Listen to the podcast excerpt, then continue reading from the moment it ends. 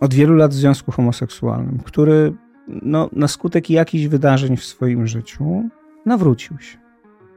Wcześniej był niewierzący, wcześniej to nie było dla niego istotne, wcześniej był y, niechętny. On ma, ma dzieci z pierwszego związku, czy jakiekolwiek inne, jest w drugim związku, tylko homoseksualnym, albo ona. I teraz, y, co ja mam mu powiedzieć? No to, to jest to pytanie. Znaczy, no oczywiście najprostsza odpowiedź brzmi: powiedz mu, jaka jest doktryna Kościoła. Natomiast jeśli jesteś w miejscu, w którym jesteś i na dzień dobry dostaniesz przekaz, jesteś tu niepotrzebny taki, jaki jesteś, jesteś kimś, kogo nie akceptujemy z powodu Twoich wcześniejszych wyborów, Twój model życia nam kompletnie nie odpowiada, to nie nastąpi żadne pogłębienie, nie nastąpi żadne spotkanie, tylko nastąpi komunikat: Nie pasujesz do nas.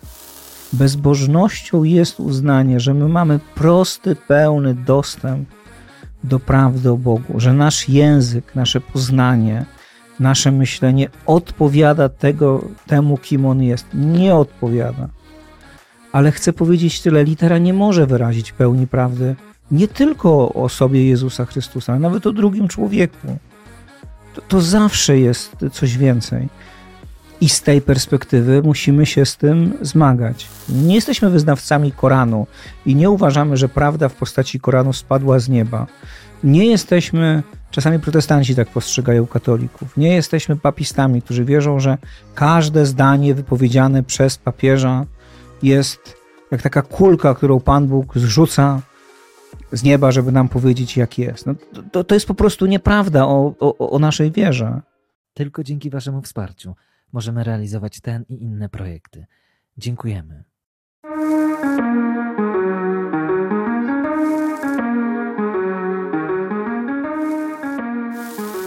Szanowni Państwo, witamy Was po raz kolejny na Pogłębiarka Podcast. Pomożemy Ci zrobić krok w głąb niezależnie od miejsca, w którym jesteś. Tomasz Terlikowski, Witam. redaktor, specjalista od Kościoła katolickiego, ale wiem, że nie chcesz mówić, żeby mówić o Tobie dziennikarz katolicki.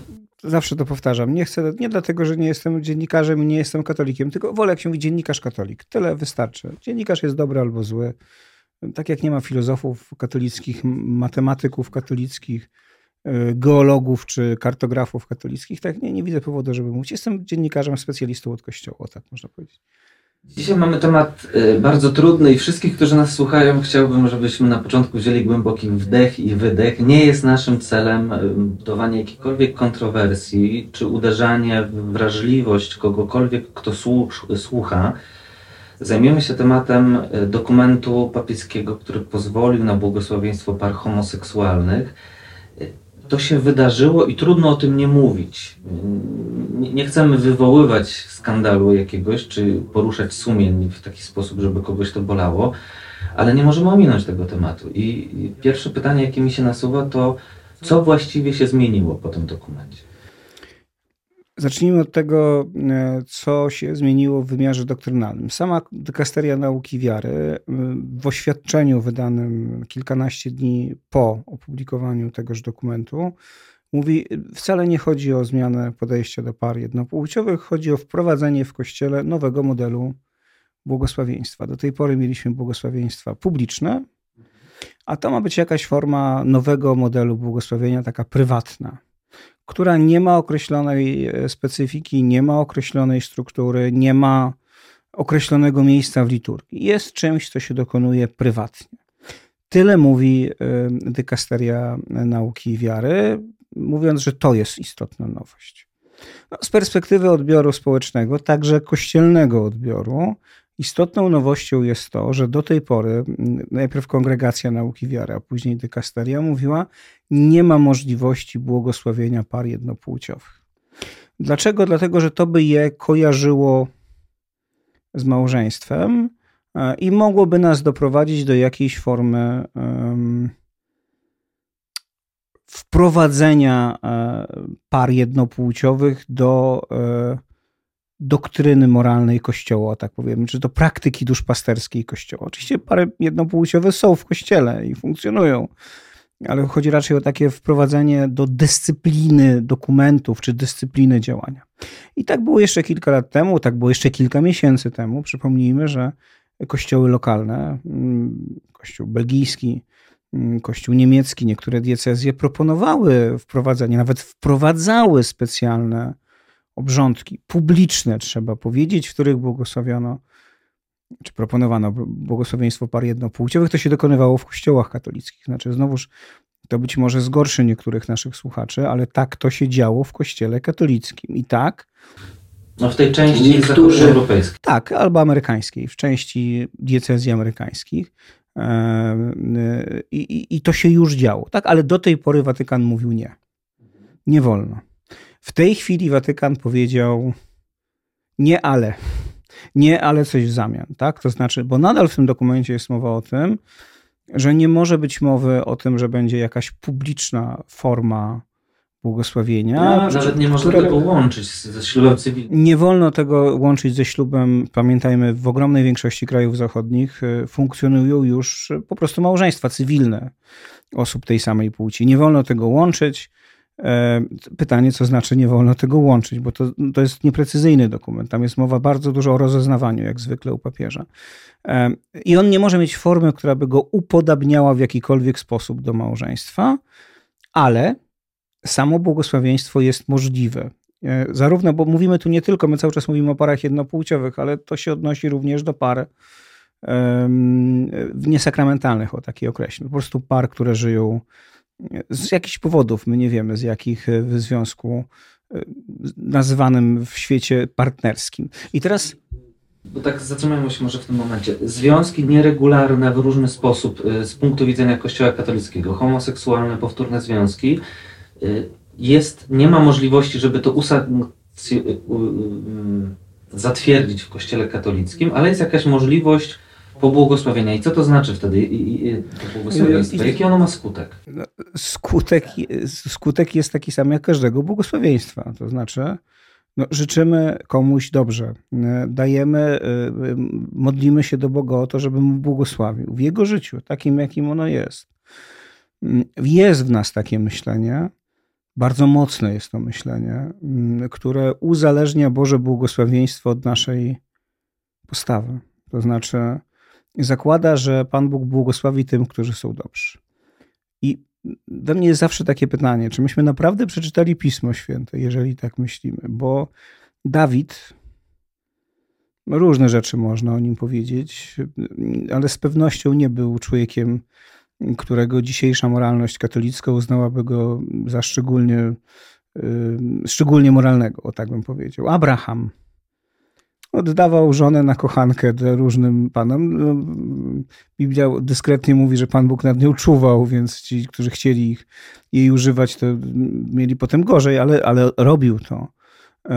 Salomon, no to w ogóle, to, no, to, to nawet już od niego się nie, Biblia mówi, że, że nastąpiło to odcięcie, ale moglibyśmy to samo opowiadać o bohaterach mm, Nowego Testamentu, może trochę w innej sferze niż seksualna, ale e, a przynajmniej tej, o której wiemy, ale, ale nie ma takiego, takiej zależności. Pan Bóg błogosławi ludziom po prostu. I my modlimy się o to błogosławieństwo. Kongregacja jasno zaznacza, dykasteria już w tej chwili, w swoim dokumencie, że nie chodzi o pobłogosławienie tego, co Kościół uważa za grzech, ale w życiu człowieka, każdego, także tego, który żyje w związku nieregularnym, są elementy dobra para, każda para, poza tym, że być może z perspektywy Kościoła jest nieregularna, e, no, daje innym jakieś dobro, tak? To znaczy, pewnie każdy z nas miał doświadczenie w swoim życiu spotkania się z wujkiem albo z ciocią, którzy żyją w sytuacji nieregularnej i którzy pomogli nam o wiele bardziej niż wujek czy ciocia, którzy żyli w sytuacji regularnej. Pewnie ci z nas, którzy znają osoby homoseksualne w związkach albo nie w związkach, ale powiedzmy o tych związkach, doświadczyli także od takich osób pomocy, doświadczyli jakiegoś dobra. No i e, to nie jest tak, że nasz grzech wyczerpuje, wyczerpuje wszystko, co można o nas powiedzieć. Co więcej, o czym papież Franciszek mówi od dawna bardzo mocno, ale co jest obecne w nauczaniu Kościoła od zawsze. Grzech e, ma różne wymiary. No, po pierwsze, oczywiście ma, jest jakaś materia, i tą materię jest łatwiej lub trudniej zdiagnozować. Łatwiej lub trudniej jest powiedzieć, kto żyje co do materii w przestrzeni grzechu. Ale poza materią jest jeszcze świadomość e, i jest jeszcze dobrowolność. I świadomość jest określona nie tylko tym, czy nam ktoś coś powiedział. Bo to jest łatwo powiedzieć, no przecież Kościół głosi, w związku z tym człowiek powinien być świadomy. Nieprawda. Jest pytanie o to, na ile społeczna sytuacja pozwala nam zrozumieć to, że to, co robimy, jest czymś nieodpowiednim. Jest nasze osobiste, nasza osobista historia.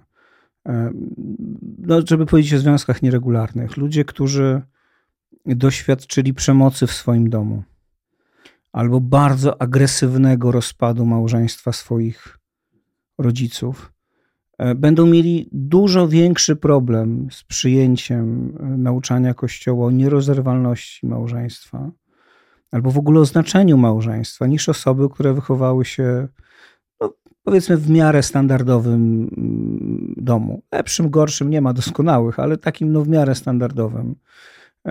I trzeba o tym pamiętać. To nie jest tylko kwestia usłyszałeś, więc wiesz. To, to nie jest prawda o człowieku. No i jest dobrowolność, tak? To znaczy jest pytanie o to, na ile, no to, że nie jesteśmy całkowicie wolni w naszych decyzjach, to jest oczywiste, ale na ile te nasze działania wynikają z jakichś determinizmów i to w każdej sytuacji trzeba oceniać osobno, a na ile są efektem naszego rzeczywiście wolnego wyboru i na ile w tym wyborze, w którym jesteśmy, mamy możliwość kontrwyboru. Ten, na ile ten kontrwybór nie byłby czymś gorszym. I tu podam przykład. Ja wiem, że on może dla wielu zabrzmieć dramatycznie, więc, ale takie pary są i takie związki są. Wyobraźmy sobie sytuację, w której kobieta ma dziecko. Nie wiem, z małżeństwa nawet, czy, z, czy ze związku heteroseksualnego, e, po czym wchodzi w relację z inną kobietą. No, zakładamy, że jest biseksualna albo, albo homoseksualna. One razem wychowują te dzieci przez 7, 10, 12 lat. Z perspektywy tych dzieci, niezależnie od tego, czy nam się to podoba, czy nie, niezależnie od tego, jakie mamy poglądy na ten temat, dla tych dzieci te dwie kobiety są ich rodzicami.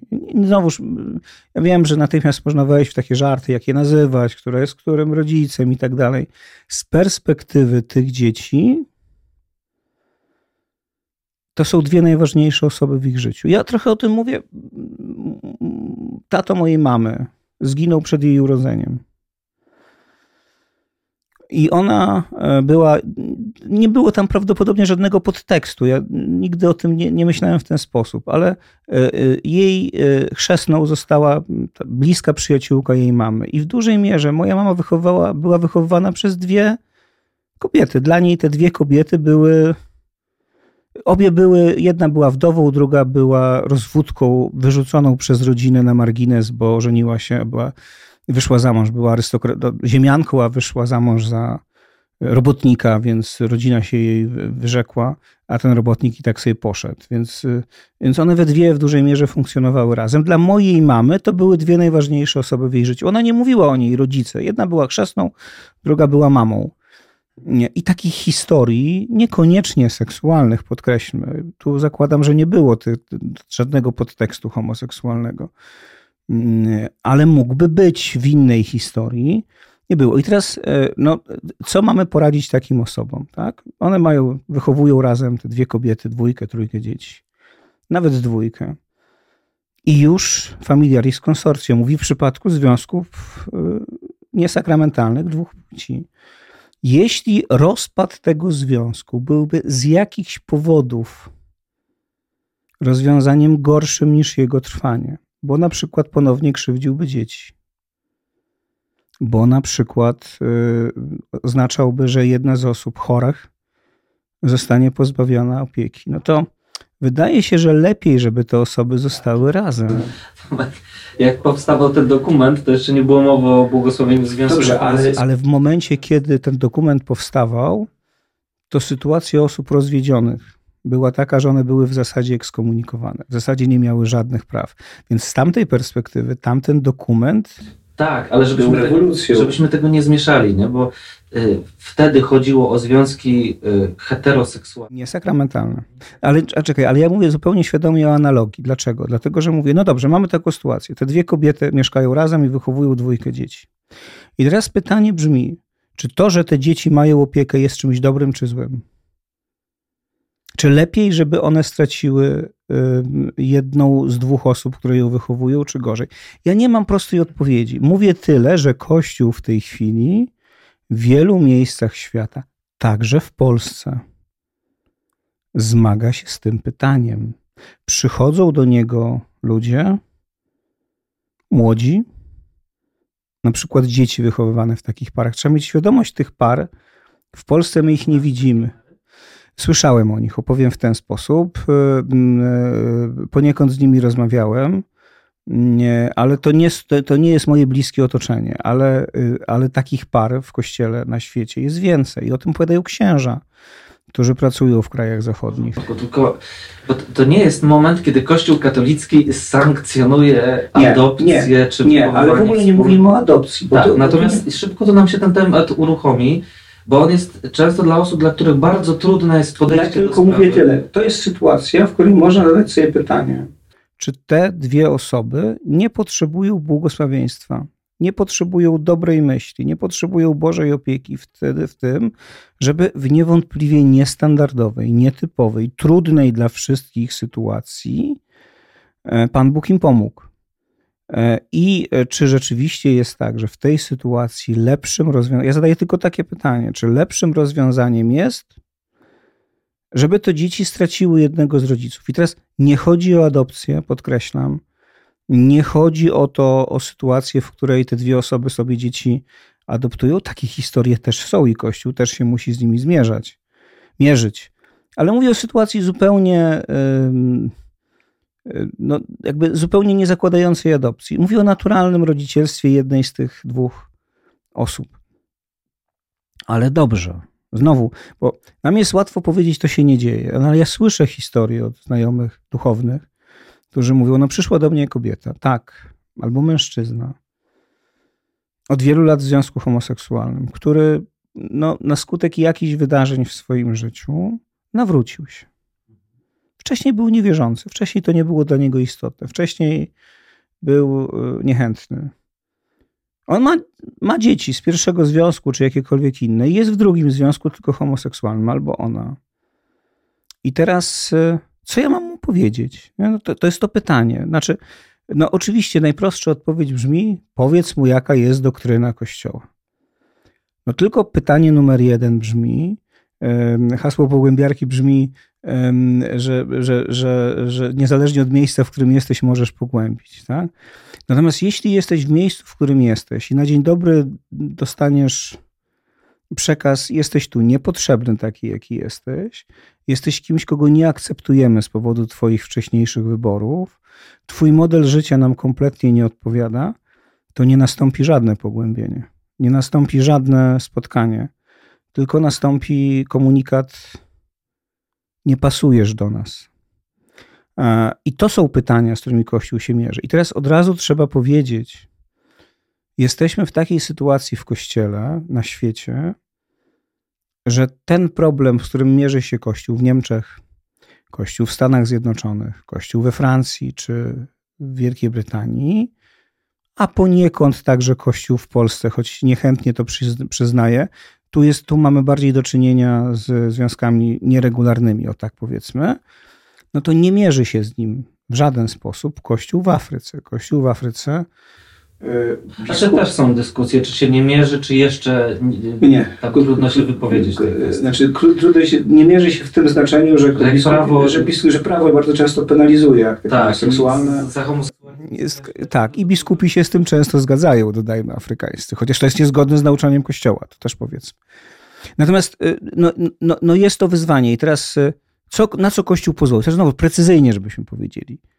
W takiej sytuacji, w prywatnym miejscu, na pielgrzymce, w jakimś sanktuarium, w jakiejś sytuacji no nie, e, nieoficjalnej, o tak powiedzmy, nieliturgicznej, Bez świadków?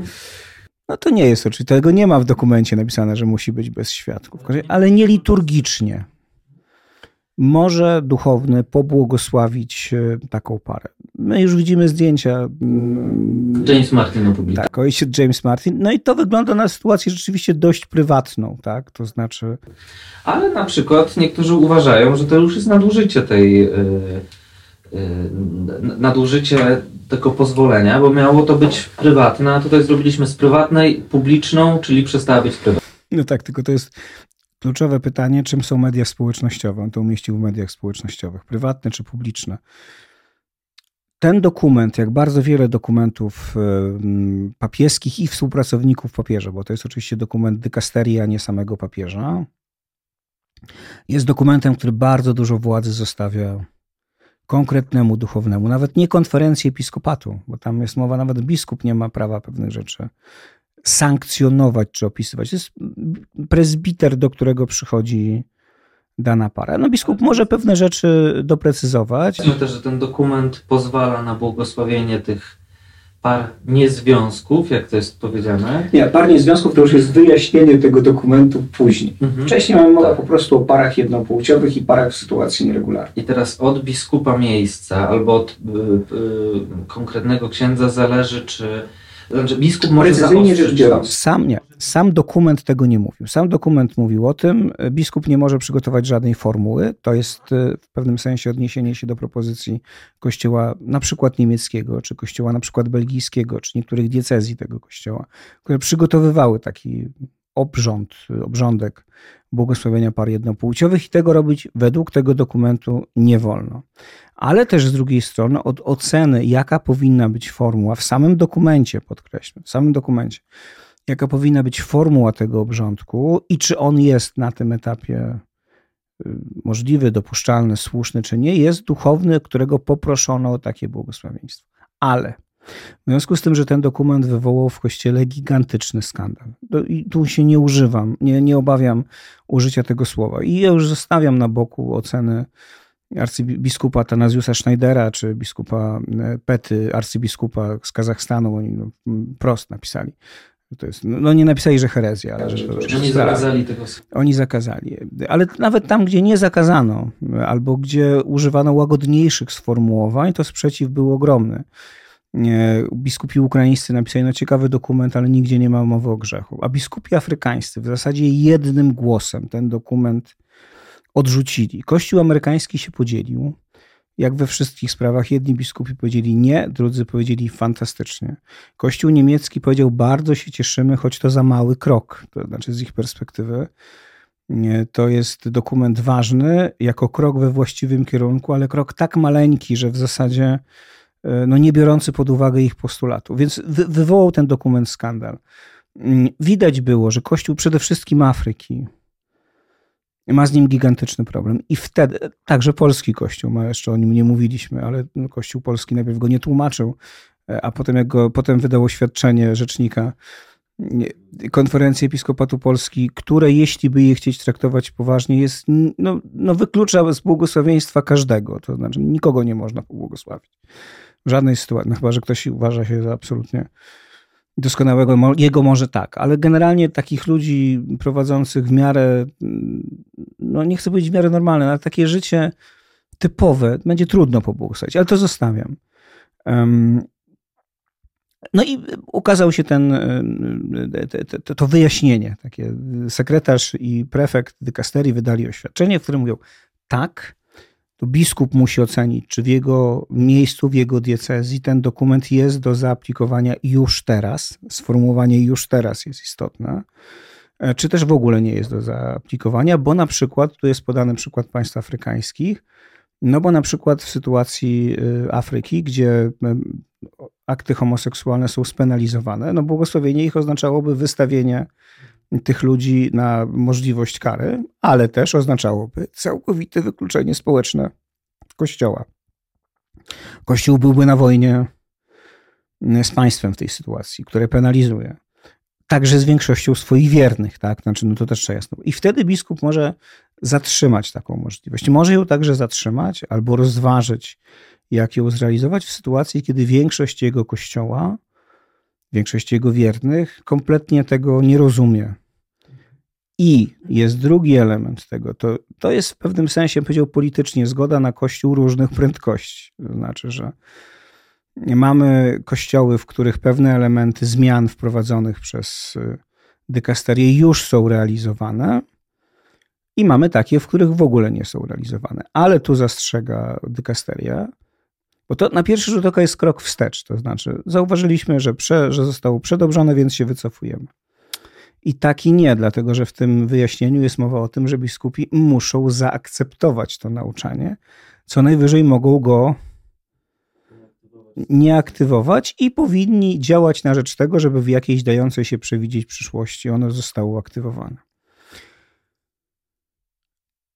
I to, to jest teoria. Co to oznacza w praktyce? No w praktyce oznacza to to samo, co oznacza w innych wspólnotach chrześcijańskich. To znaczy trzeba zupełnie jasno powiedzieć, że ten proces, o którym mówimy, to znaczy najpierw jakiejś formy, no w kościele katolickim to jest tylko jakiś, jak na razie, ale czy tak będzie zawsze, ja nie wiem, tu jestem bardzo ostrożny. Na tym etapie to jest jakaś forma wprowadzenia i akceptacji osób mm, homoseksualnych, transpłciowych w życiu kościoła. I jakiejś ich umiejscowienie no, w sytuacji nieregularnej, ale jednak takiej, w której oni się będą czuli zaakceptowani. No ale kościoły, na przykład kościoły anglikańskie w różnych miejscach poszły o wiele dalej. Tam już są, e, w kościele episkopalnym na przykład, są małżeństwa osób tej samej płci, są biskupi e, żyjący w związkach jednopłciowych. I teraz, i teraz istotne jest dla mnie co? Bo nie, nie chcę powiedzieć o tym, że, że tam to jest, a u nas nie ma i czy będzie, czy nie. Chcę powiedzieć o tym, ale równocześnie kościoły afrykańskie, tej samej wspólnoty anglikańskiej mówią absolutnie nie ma na to zgody. Każdy, kto to robi, jest heretykiem. Mieliśmy niedawno spotkanie Światowej Federacji Luterańskiej w Krakowie. E, I no, były kościoły afrykańskie i były kościoły zachodnioeuropejskie, skandynawskie na przykład, w którym są biskupki żyjące w związkach lesbijskich, biskupi w związkach homoseksualnych, jest liturgia małżeństwa osób tej samej płci. No i są kościoły luterańskie Afryki, w których, w których podejście do homoseksualności jest takie samo i do aktów homoseksualnych jak kościoła katolickiego, albo nawet ostrzejsze. I teraz co się dzieje? Otóż no wszyscy wiedzą, że to bardzo głęboko dzieli te wspólnoty, ale żeby tego nie eskalować, to się o tym na tych spotkaniach ogólnoświatowych nie rozmawia. Albo nawet jak się rozmawia, bo na synodzie o synodalności, o czym mocno mówił jego uczestnicy, rozmawiano o tych problemach. Ale e, uznano, jak widać w praktyce, dykasteria uznała, że zgodzi się na jakiś czas na sytuację i na to samo godzi się wspólnota anglikańska i na to samo godzi się Światowa Federacja Luterańska, które te kwestie, tak istotne moralnie, będą jednak rozstrzygane na poziomie kościołów lokalnych. Dykasteria mówi to oczywiście w taki sposób, no my wam mówimy w jakim kierunku macie iść. No i tym kierunkiem jest jednak błogosławienie prywatne, niepodobne do małżeństwa, nie będące akceptacją tej sytuacji, ale błogosławieństwo, ale nie musicie tego stosować. Tomek, ale pytanie inne, no bo Aleksander Bańka uważa, że to jest koniec dyskusji na temat doktryny. Mówi, że ten dokument jasno stwierdza, że małżeństwo to jest związek heteroseksualny i tutaj godzimy się co prawda na pobłogosławienie parom homoseksualnym, natomiast no już przestajemy się zastanawiać, czy to będzie małżeństwo, czy nie. Czy, ja powiem tak, nie wiem, czy y, y, tu będę bardzo ostrożny, czy małżeństwo y, osób tej samej płci zostanie przez Kościół katolicki uznane za małżeństwo? Nie wiem, na tym etapie nie sądzę. Ale to nie jest koniec dyskusji. Znaczy, tego typu teza jest po prostu nieprawdziwa. Dlatego, że ja pięć lat temu słyszałem, że zakaz błogosławienia par jednopłciowych w ogóle jest końcem dyskusji. I okazało się, że nie jest. Kiedy, znowuż wrócę do Familiaris Consortio, bo to jest dobra analogia, kiedy ten dokument powstawał, to pamiętajmy, osoby rozwiedzione, nawet nie te w nowych związkach, po prostu osoby rozwiedzione były poza no były de facto ekskomunikowane, de facto nie miały prawa do komunii świętej. W szczególnych okolicznościach, jak nie były w nowym związku, no to mogły. No i wtedy mówiono, no nie, to jest koniec już dyskusji. No papież wydał dokument w bardzo ściśle określonych sytuacjach. Tam jest, pamiętajmy, cała lista e, sytuacji, które muszą być spełnione, żeby osoby rozwiedzione w nowym związku mogły przystępować do Komunii Świętej. No ale te, ta lista jest, ona jest precyzyjna i to jest koniec dyskusji. Nic już tu nie będzie. Z tym wymogiem czystości przede wszystkim. Ale przecież jeszcze Jan Paweł II, kiedy go zapytano, a co jeśli taka para, która spełnia wszystkie te warunki, czyli nie może się rozpaść bez większej szkody, żyje w czystości, nie robi zgorszenia i tak dalej, i tak dalej, no ale upadnie z tej czystości. To znaczy, no, no ludzie mieszkając razem, nawet jak mają bardzo silną wolę i jeszcze do tego no, no są de facto małżeństwem, tak? To znaczy, nawet jeśli nie sakramentalnym, to żyją jak małżeństwo. Mogą upaść. No i co wtedy? Czy to im odbiera prawo do Komunii Świętej? No i to, dokument, to, to jest nauczanie jeszcze Jana Pawła II. Jan Paweł II powiedział, no nie no, muszą się wyspowiadać pod zwykłymi warunkami. No dobrze, e, no ale tu jest kolejne pytanie, na nie Jan Paweł II nie odpowiedział. A jak, jak często mogą upaść, żeby ta zasada działała? Ja wiem, że to jest złośliwe pytanie, no ale, no ale jest to pytanie, tak? No raz w roku, raz na pół roku, raz na kwartał. No, no jak?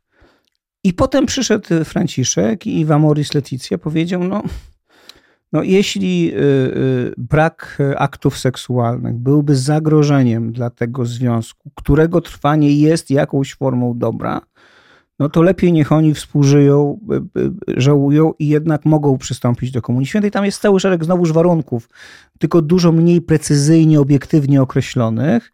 Nie zgodziłbym się, że to tak, że to tak można skrócić, ale zostawmy. Ale, ale teraz ja tylko pokazuję, że powiedzenie jakaś debata się w Kościele skończyła jest po prostu nieprawdziwe. Kościół jest w procesie. I teraz, żeby nie było wątpliwości, ja wcale nie twierdzę, że w, dal, w bliskiej przyszłości możliwy jest tylko kierunek na rzecz yy, luzowania, tak? Nazwijmy to. Ja nie wiem, jak będzie. I odpowiadam w ten sposób. Mamy bardzo poważną, fundamentalną debatę na temat ludzkiej seksualności. No ona na całym świecie jest, nie tylko w kościołach. Ona trwa na całym świecie. Z jednej strony czegoś więcej o ludzkiej seksualności się dowiedzieliśmy niż wiedzieliśmy w przeszłości. Dowiedzieliśmy się na przykład o tym, co przyznawał jeszcze Jan Paweł II, a Franciszek to podkreśla jeszcze mocniej. Zawsze Kościół to mówił, ale kładł na to mniejszy nacisk, że seksualność także buduje relacje, że jest relacyjna. A Franciszek mówi, co jest fundamentem tej relacyjności? No to obdarowanie wiąże się także z przyjemnością. I to jest jakby pierwszy papież, który w ogóle mówi tak mocno o przyjemności seksualnej. Tego się dowiedzieliśmy dowiedzieliśmy się, wydaje mi się, że to możemy powiedzieć, że także relacje osób tej samej płci no, jakoś budują relacyjność. Tak? Ja wiem, że to, e, że to może brzmieć w oczach czy w uszach niektórych dziwnie, no ale nie ma powodów, żeby twierdzić, że osoby żyjące w trwałej, stabilnej relacji homoseksualnej nie wspierają się wzajemnie, nie budują ze sobą relacji i że z perspektywy społeczeństwa ich stabilne życie nie jest czymś lepszym niż y, życie y, w nieustającym poszukiwaniu nowych relacji. Tego się dowiedzieliśmy. To nie musi prowadzić do zmiany nauczania Kościoła, podkreślam, ale na pewno poszerza nasze spojrzenie na seksualność. To jest pierwszy element. Z drugiej strony wiemy też, jakie są skutki, i to też jest oczywiście prawda, takiego, powiedziałbym, nieokiełznanego podejścia do ludzkiej seksualności, w którym ono staje się tym, co jest najistotniejsze i co określa wszystkie nasze relacje, w ogóle jest u podstaw wszystkiego. To już też wiemy, że, nie ma, że, że to też nie jest dobre rozwiązanie. No i w związku z tym staje, no i mamy do tego jeszcze sytuację, w której ogromna e, rzesza ludzi, ja nie chcę powiedzieć, że większość, ale jakby się dobrze przyjrzeć, to spora część na Zachodzie ludzi żyje w jakichś formach relacji nieregularnych. Nie znaczy homoseksualnych, nieregularnych, różnych.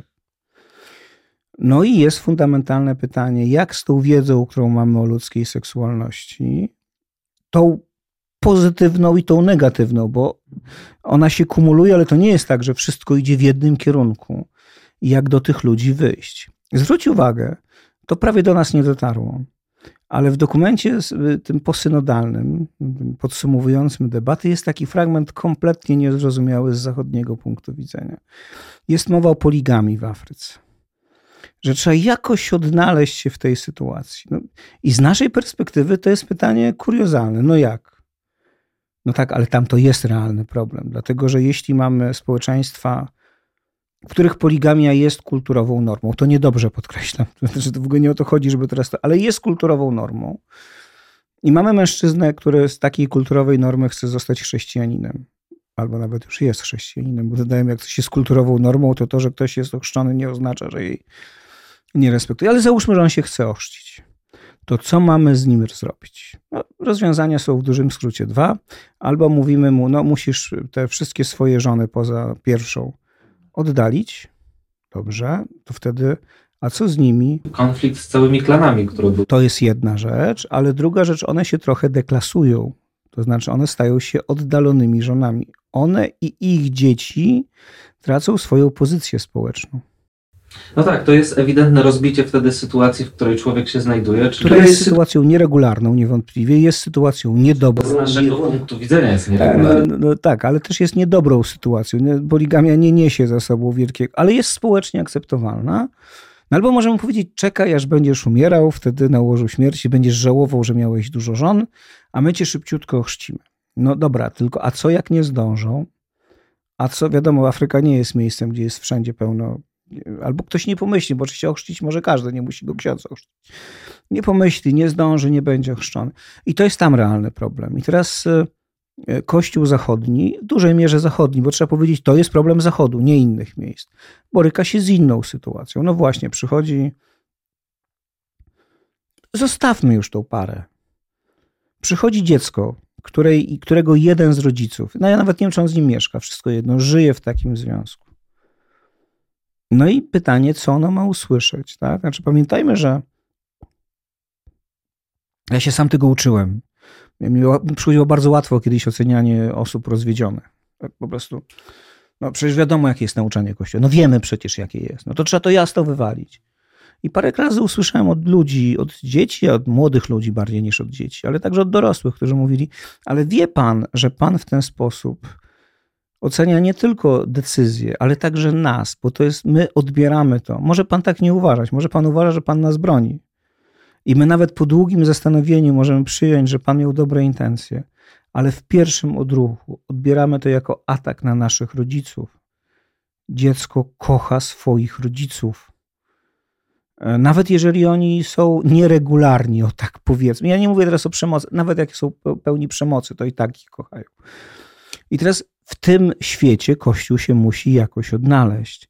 Musi się odnaleźć w sytuacji, w której mm, do kościołów e, przychodzą ludzie, nie tylko tacy, bo oczywiście Kościół powie, my nie mamy problemu z osobami homoseksualnymi. Jak one żyją w czystości, jak one żyją we wstrzemięźliwości, jak żałują za swoje grzechy, to my z tym nie mamy problemu. Nie do końca jest prawda, bo te osoby mówią czasem co innego, także te, które żyją tak, jak tego wymaga Kościół mówią, no, homofobiczne odzywki, mm, ataki na nas, mm, uważanie nas za źródło zła w kościele jest w tym kościele. Ale zostawiam to na boku teraz. Załóżmy, że, że tego nie ma, chociaż jest. Ale są osoby, które dopiero weszły na tę drogę, spotkały Jezusa Chrystusa, ale równocześnie e, nie są jeszcze ani świadome, ani gotowe, ani chętne do tego, żeby całkowicie na dzień dobry zrewidować e, swoje życie, żeby całkowicie zostawić to, co było, żeby powiedzieć sobie, teraz to ja już będę po prostu. Nie każdy tak potrafi od razu prze, przewartościować. Ja powiedział, większość ludzi tego nie potrafi. Co więcej, większość ludzi tego nie potrafi także dlatego, że proces nawracania jest procesem, to znaczy my się uczymy. Jak weźmiemy Pismo Święte i poczytamy sobie, jak się Piotr zachowywał w Ewangeliach, a potem weźmiemy listy Piotrowe, y, to ja bym powiedział, przepaść między tymi dwoma językami, tymi dwoma modelami mówienia, to jest przepaść. To znaczy, my widzimy, że ten człowiek przez te całe lata, zostawiam, niech bibliści się spierają, czy to otoczenie Piotra spisało to listy, czy to sam Piotr spisał, nieważne. Wiemy, że one są związane z Piotrem, to jest tradycja Piotrowa. Mm, e, to, ale to my widzimy, jak ten człowiek się głęboko zmienił, jak bardzo przez te lata e, się zmienił. Weźmy Jana. E, Jan w Ewangeliach najlepiej jest przedstawiony w swojej Ewangelii, ale i w swojej Ewangelii znajdzie, w jego Ewangelii znajdziemy takie momenty trudne. To jest y, syn gromu. Mm, chce rzucać gromy na, z bratem na miasta, które się nie nawróciły. Choleryczny, y, y, mimo że młody człowiek. Odważny, ale też taki bym powiedział, no, no ale Ewangelia Jana już taka nie jest. To znaczy, tak bym powiedział. To znaczy, Ewangelia Janowa jest, mm, no sami o niej mówimy, Ewangelią miłości. Ludzie się zmieniają, potrzebują czasu. O tym Franciszek bardzo często mówi. To jest takie jego spojrzenie. Powiedz ciebie z perspektywy człowieka, no jakoś obok kościoła, w sensie zaangażowanego w kościół, blisko niego, myślenie o tym, że doktryna wiary zaczyna się zmieniać, to jest coś, co budzi w tobie niepokój? Nie. Nie. Nie, a dla większości osób jest. Ja myślę dlatego, że myśmy rzeczywiście byli wychowani w takim przekonaniu, że nic się nie zmienia. To jest nieprawda.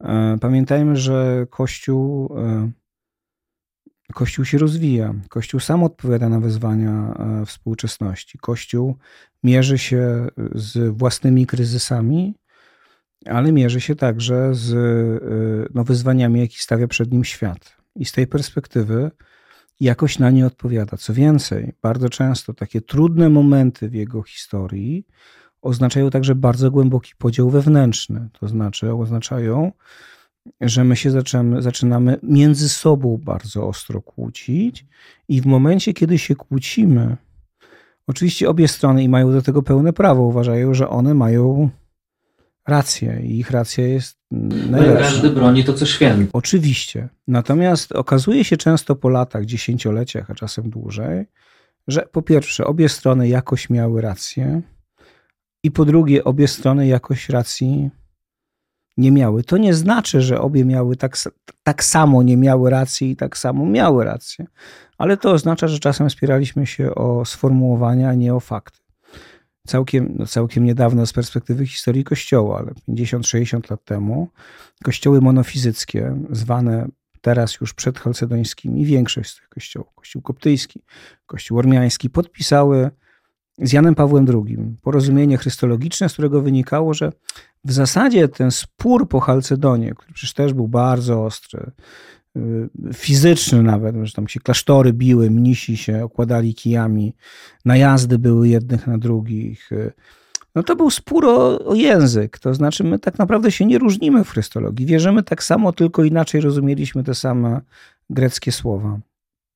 Podobnie było z chrześcijanami przedefeskimi zwanymi później Nestorianami, Asyryjski Kościół Wschodu także podpisał wspólną deklarację chrystologiczną z Kościołem rzymskokatolickim. Okazało się, że jednak no, niekoniecznie e, wierzyliśmy różnie. Przeskoczmy dalej. Mamy reformację, bardzo głęboki spór po obu stronach, po wszystkich stronach, bo tych stron nie było dwóch byli ludzie najgłębiej przekonani o tym, że byli też politycy po wszystkich stronach i oni bronili swoich interesów. Ale poza tym byli ludzie najgłębiej przekonani o tym, że oni bronią prawdziwej, nau prawdziwej nauki Ewangelii. Tego, co jest prawdą o tym, czego nauczał Chrystus. Mm, potem jeszcze się pojawiły takie zwyczajne procesy, procesy społeczne i historyczne, to znaczy nawet w tym, w czym byliśmy bliscy, musieliśmy się od siebie oddalić, żeby uzasadnić, że jesteśmy różni. No i po 500 latach e, ukazuje się dokument e, wspólny o usprawiedliwieniu i okazuje się, że to, co jak ktoś analizował dokumenty Soboru Trydenckiego, E, i księgi wyznaniowe e, ewangelicko-uzburskie było dość oczywiste. Akurat w kwestii usprawiedliwienia się nie różnimy. Akurat nie, a, a, to była kwestia, która była tą kluczową, to znaczy o nią walczono. Różnimy się w innych kwestiach. To nie znaczy, że w niczym się nie różnimy. Tak, różnimy się w pewnych kwestiach. No i teraz obserwujemy, w tej chwili to trochę mniej, bo to nie jest czas najlepszy dla ekumenizmu, ale jakiś czas temu obserwowaliśmy sytuację, w której z jednej strony Kościół katolicki adaptował pewne rozwiązania przyjęte przez luteran, które w momencie, kiedy oni je przyjmowali, były uważane za absolutnie heretyckie. No choćby język ojczysty w liturgii. Co ciekawe, luteranie nie odwrócili ołtarza. Jak się wchodzi do kościoła luterańskiego, to nie jest adorientem. Nie wszędzie, ale w wielu miejscach. A z drugiej strony część wspólnot ewangelicko-uzburskich przyjęła albo przywróciła, bo, ci, którzy, bo niektóre, niektóre, u niektórych to w ogóle zostało, ale niektóre przywróciły część szat liturgicznych, inne przywróciły tytuły biskupów i zaczęły się roz, zastanawiać nad pytaniem, czy jakaś forma posługi biskupiej nie byłaby, niektóre ją w ogóle zachowały, to zostawiam, skandynawskie, nie byłoby czymś pozytywnym. W kościołach reformacji, tego radykalniejszego nurtu reformacji, reformacji szwajcarskiej tak zwanej, czyli no, kalwini, cwinglianie, no różnie kalwiniści, cwinglianie, reformowani. W wielu kościołach pojawiły się obrazy, ikony na przykład wróciły, bo uświadomiono sobie, że że one jakąś prawdę chrześcijaństwa w sobie niosą. E, więc no, to trzeba sobie uświadomić, że spór bardzo ostry prowadzi do silnej polaryzacji no dobrze, a teraz przykład zmiany. Tylko, że, y, bo, bo, to są kwestie dogmatyczne, ideowe, to nas dzieli łatwo, y, y, trochę inny porządek jest, no tak, ale to też są kwestie moralne. To są też kwestie ideowe. One są bardziej emocjonalne niż, e, to, czy, to, czy Jezus Chrystus miał taką naturę. Nie zgodziliby się z tobą Luther, Zwingli czy Ariusz, z pewnością by się nie zgodzili. Dla nich to były kwestie absolutnie emocjonalnie ale były to kwestie egzystencjalne. Za czasów reformacji to wiemy, bo to widzimy z zapisków, że to były sprawy egzystencjalnie ważne dla części ludzi. I także miały swój wymiar moralny, bo na przykład była kwestia celibatu. To jest oczywiście kwestia mm, dyscyplinarna, ale ona się wiąże z oceną moralną duchownych, duchownych, którzy zachowują celibat albo nie. Więc to, to też jest taka historia. Ale to spróbujmy się teraz zatrzymać nad moralnością. Mm, bo to nie jest tak, bo to jest trochę tak jak z, z doktryną. To znaczy, mamy w doktrynie to, co jest jej jądrem i to, co jest jej formą jej wyrazu. E, I to, co jest po trzecie, e, wkładem danej kultury, w której to, co się dzieje, funkcjonuje. To są trzy różne rzeczy. My mamy tendencję do tego, żeby utożsamiać wkład kulturowy z tym, co jest istotą przekazem Ewangelii. E, widzimy to nawet u Pawła. No, niektóre z diagnoz Pawła, dotyczących na przykład miejsca kobiet w kościele, zostały przez Kościół uznane za historycznie uwarunkowane. No, no nie jest tak, że kobieta ma milczeć w kościele. No, no, no nie. Już nawet bardzo długo to respektowaliśmy, ale kobiety nie muszą mieć nakrytych głów w kościołach, a mężczyźni nie muszą mieć krótkich włosów, do czego Paweł też wzywał. No, żartobliwie trochę to mówię, ale, ale pamiętajmy to. I teraz przykład z późniejszych czasów. Całkiem niedawno czytałem, jakoś wróciłem po bardzo wielu latach do Alberta Camus, pod wpływem Mertona zresztą, który mi go przypomniał. Albert Camus jest oczywiście ateistą. Nie ma dwóch zdań. W wielu kwestiach rozumie chrześcijaństwo nieadekwatnie, chociaż pisał bardzo wiele w swojej młodości o świętym Augustynie, ale, ale jest trochę nieadekwatny. On przywołuje te, historię francuskiej aktorki z XVIII wieku, mm, bardzo znanej y, aktorki, podobno najwybitniejszej aktorki swoich czasów. Mm, w tamtym czasie aktorstwo, w ogóle teatr, był potępiony przez Kościół. Mówiąc inaczej, osoby występujące w teatrach, grające w nich, nie mogły otrzymać rozgrzeszenia rozgrzeszano, no chyba, że rezygnowały z, z zawodu. Rozgrzeszano je przed śmiercią, jeśli wyraziły żal za grzechy. Jeśli go nie wyraziły, mówię o Francji, bo w innych krajach bywało inaczej.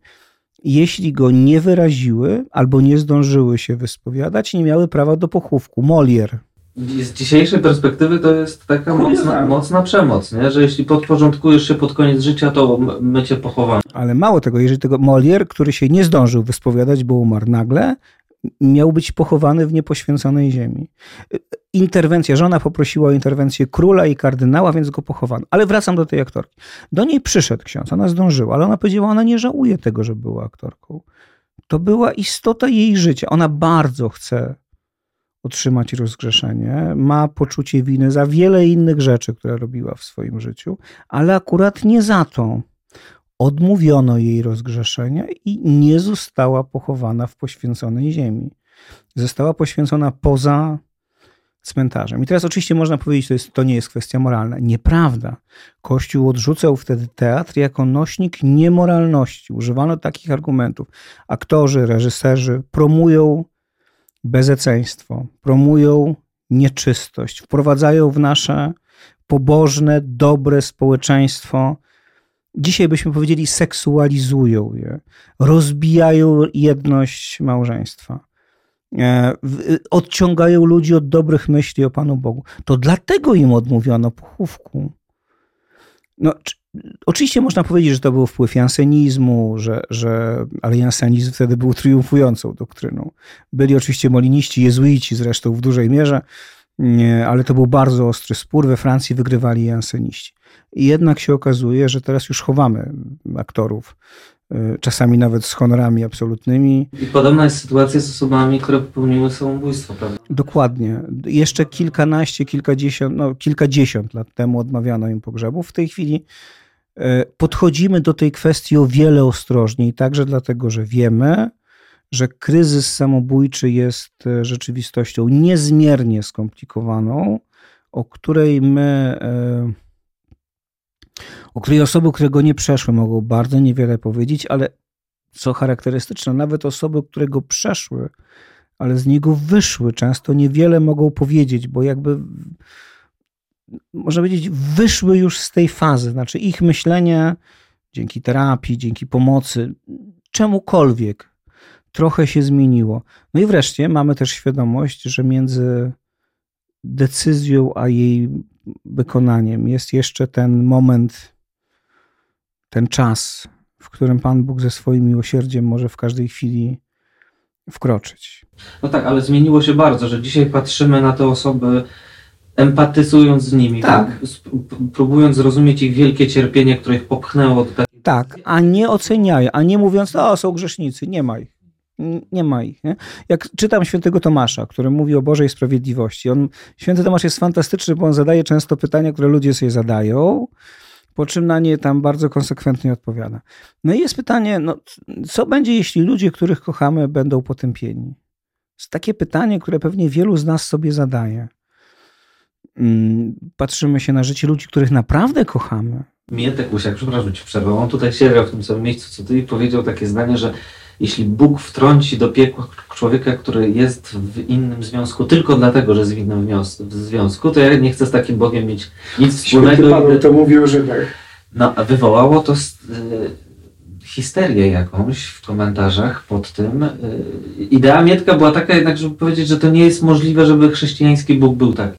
Znaczy ja też tak uważam, ale teraz y, natomiast co mówi święty Tomasz, jest dla nas nie do przyjęcia, bo mamy zupełnie inny model istnienia. Mówi, mało tego, oczywiście, no jak, jak będziemy mieć pełnię wiedzy, no to będziemy wiedzieć, że to była sprawiedliwa kara dla tej osoby i nie tylko nie będzie nam jej żal, ale będziemy się z tego radować. E, I to jest coś, co po pierwsze dla mnie też kompletnie jest niespójne z obrazem kochającego Boga. Bliższa mi jest taka myśl mojego profesora filozofii, z którym się kompletnie w wielu kwestiach nie zgadzałem, tomisty, takiego stuprocentowego tomisty, które w tej sprawie e, z Tomaszem się nie zgadzał. Profesor Gogacz mówił kiedyś tak do nas. Pamiętajcie, żebyście znajdźcie sobie chociaż jedną osobę, która będzie was naprawdę kochać. My mówimy do niego, że my ją będziemy kochać. On mówi, wiecie, to jest trudne kogoś naprawdę kochać, ale żeby was ktoś kochał. Mówimy, no ale dlaczego? On mówi, otóż dlatego, że jeśli ktoś kochał, naprawdę kochał drugą osobę, to Pan Bóg nie może potępić tej miłości, nie może jego wtrącić do piekła.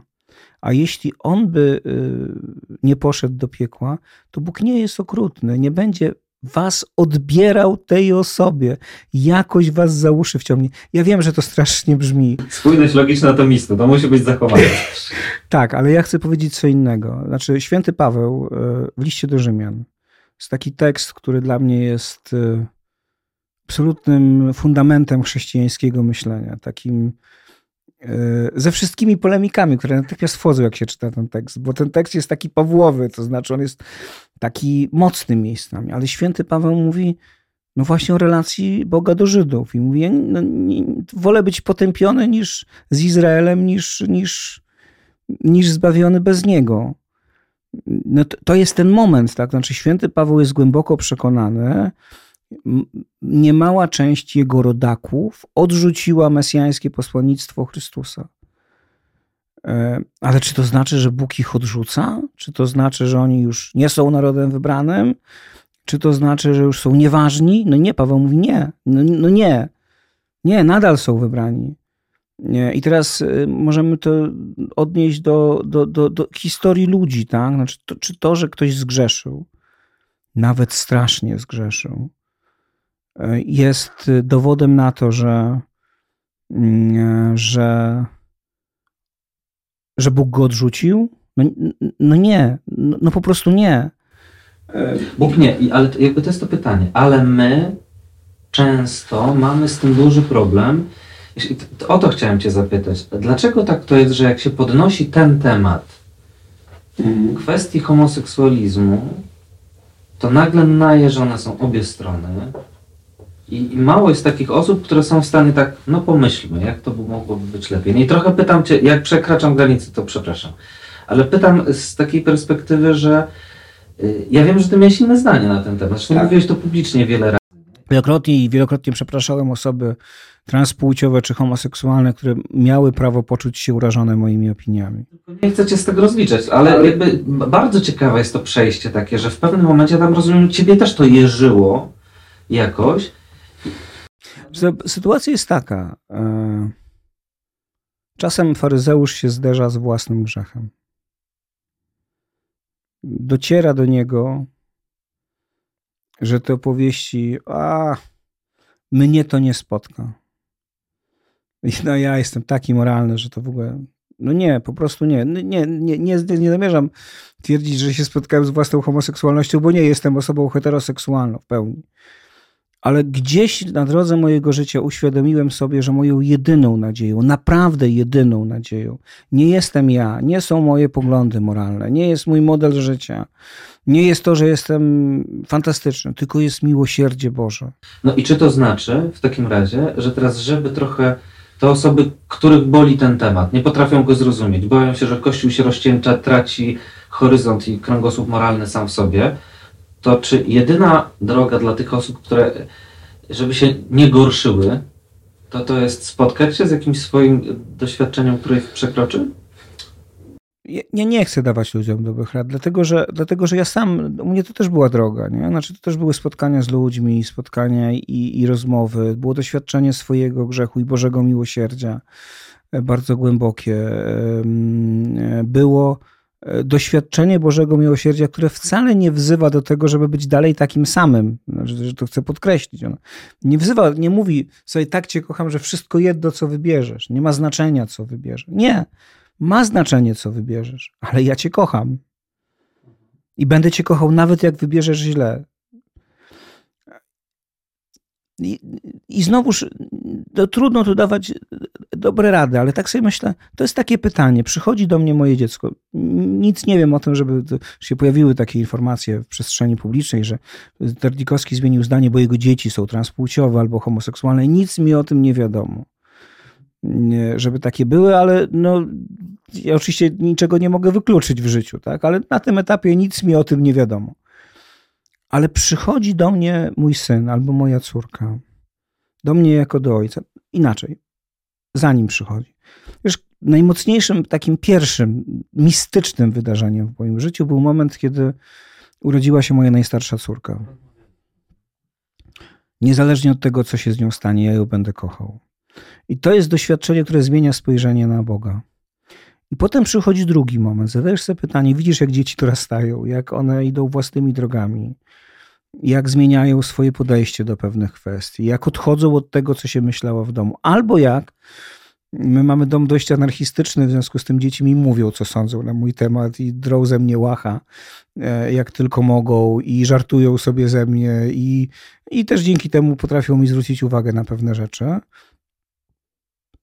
Ale ja też widzę, jak one są inne od nas, a równocześnie podobne. Często podobne też w tych cechach, które sam w sobie mam z nimi kłopot, to tak bym powiedział. Są choleryczne na przykład, albo pyskate. E, ale przychodzi taki moment, zadajesz sobie pytanie, i znowuż nie musimy w tym, ten homoseksualizm. Ile katolickich małżeństw zetknęło się z tym, że ich dzieci zaczęły mieszkać z kimś przed ślubem? I teraz kluczowe pytanie brzmi: no dobrze, czy ja mam im, im błogosławić, czy mam je przeklinać? Czy mam towarzyszyć im w tej drodze? To nie znaczy, że mówić im jest super, jest fantastycznie, jest cudownie, tylko znaczy kocham was i kocham także na tyle, na ile mogę, tą drugą osobę, która wam towarzyszy. Um, oczywiście marzę o tym, żebyście wzięli ślub, ale to nie znaczy, że moje drzwi są, czy moje serce, czy, czy moja pomoc jest przed wami zamknięta.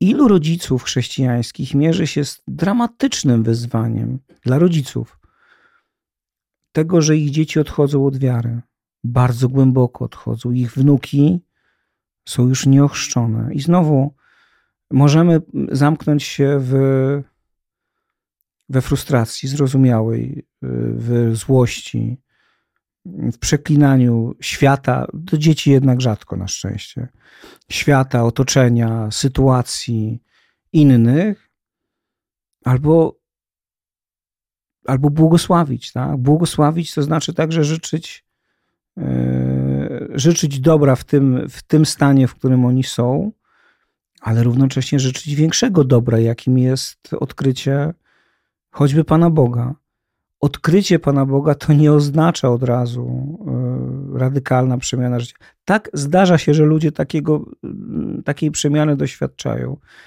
ale zdarza się również, że jej nie doświadczają, tylko dalej idą w jakimś dramatycznym e, zagubieniu, e, niepogodzeniu ze samym sobą, mm, a czasem nawet w braku akceptacji jakiejś części tego, co Ewangelia mówi tak między Bogiem a prawdą, e, no tu się skupiliśmy na, na, na, chrześcijań, na, na, na chrześcijańskiej moralności seksualnej. Ale czy naprawdę wszyscy jesteśmy, e, słuchacze tego podcastu, e, przekonani do radykalnej koncepcji ewangelicznego przebaczenia? Czy potrafimy przebaczać 77 razy? Czy rzeczywiście umiemy ja nie umiem, od razu powiem, nie umiem. I, i, I, nie umiałem tego wcześniej i nie umiem tego tak, jak powinienem teraz. Nie sądzić, żeby nie być osądzonym. No nie, ale czy to znaczy, że Pan Bóg nam nie błogosławi? E, czy to znaczy, że jak, e, jak e, nosimy w sobie pragnienie zemsty, czasami zrozumiałej po ludzku, tak? to Pan Bóg już nam nie pobłogosławi, już, już nic od Niego nie dostaniemy. No to był trochę obraz takiego Boga, który nam daje, jak my Mu damy. E, e, e, jak my Mu...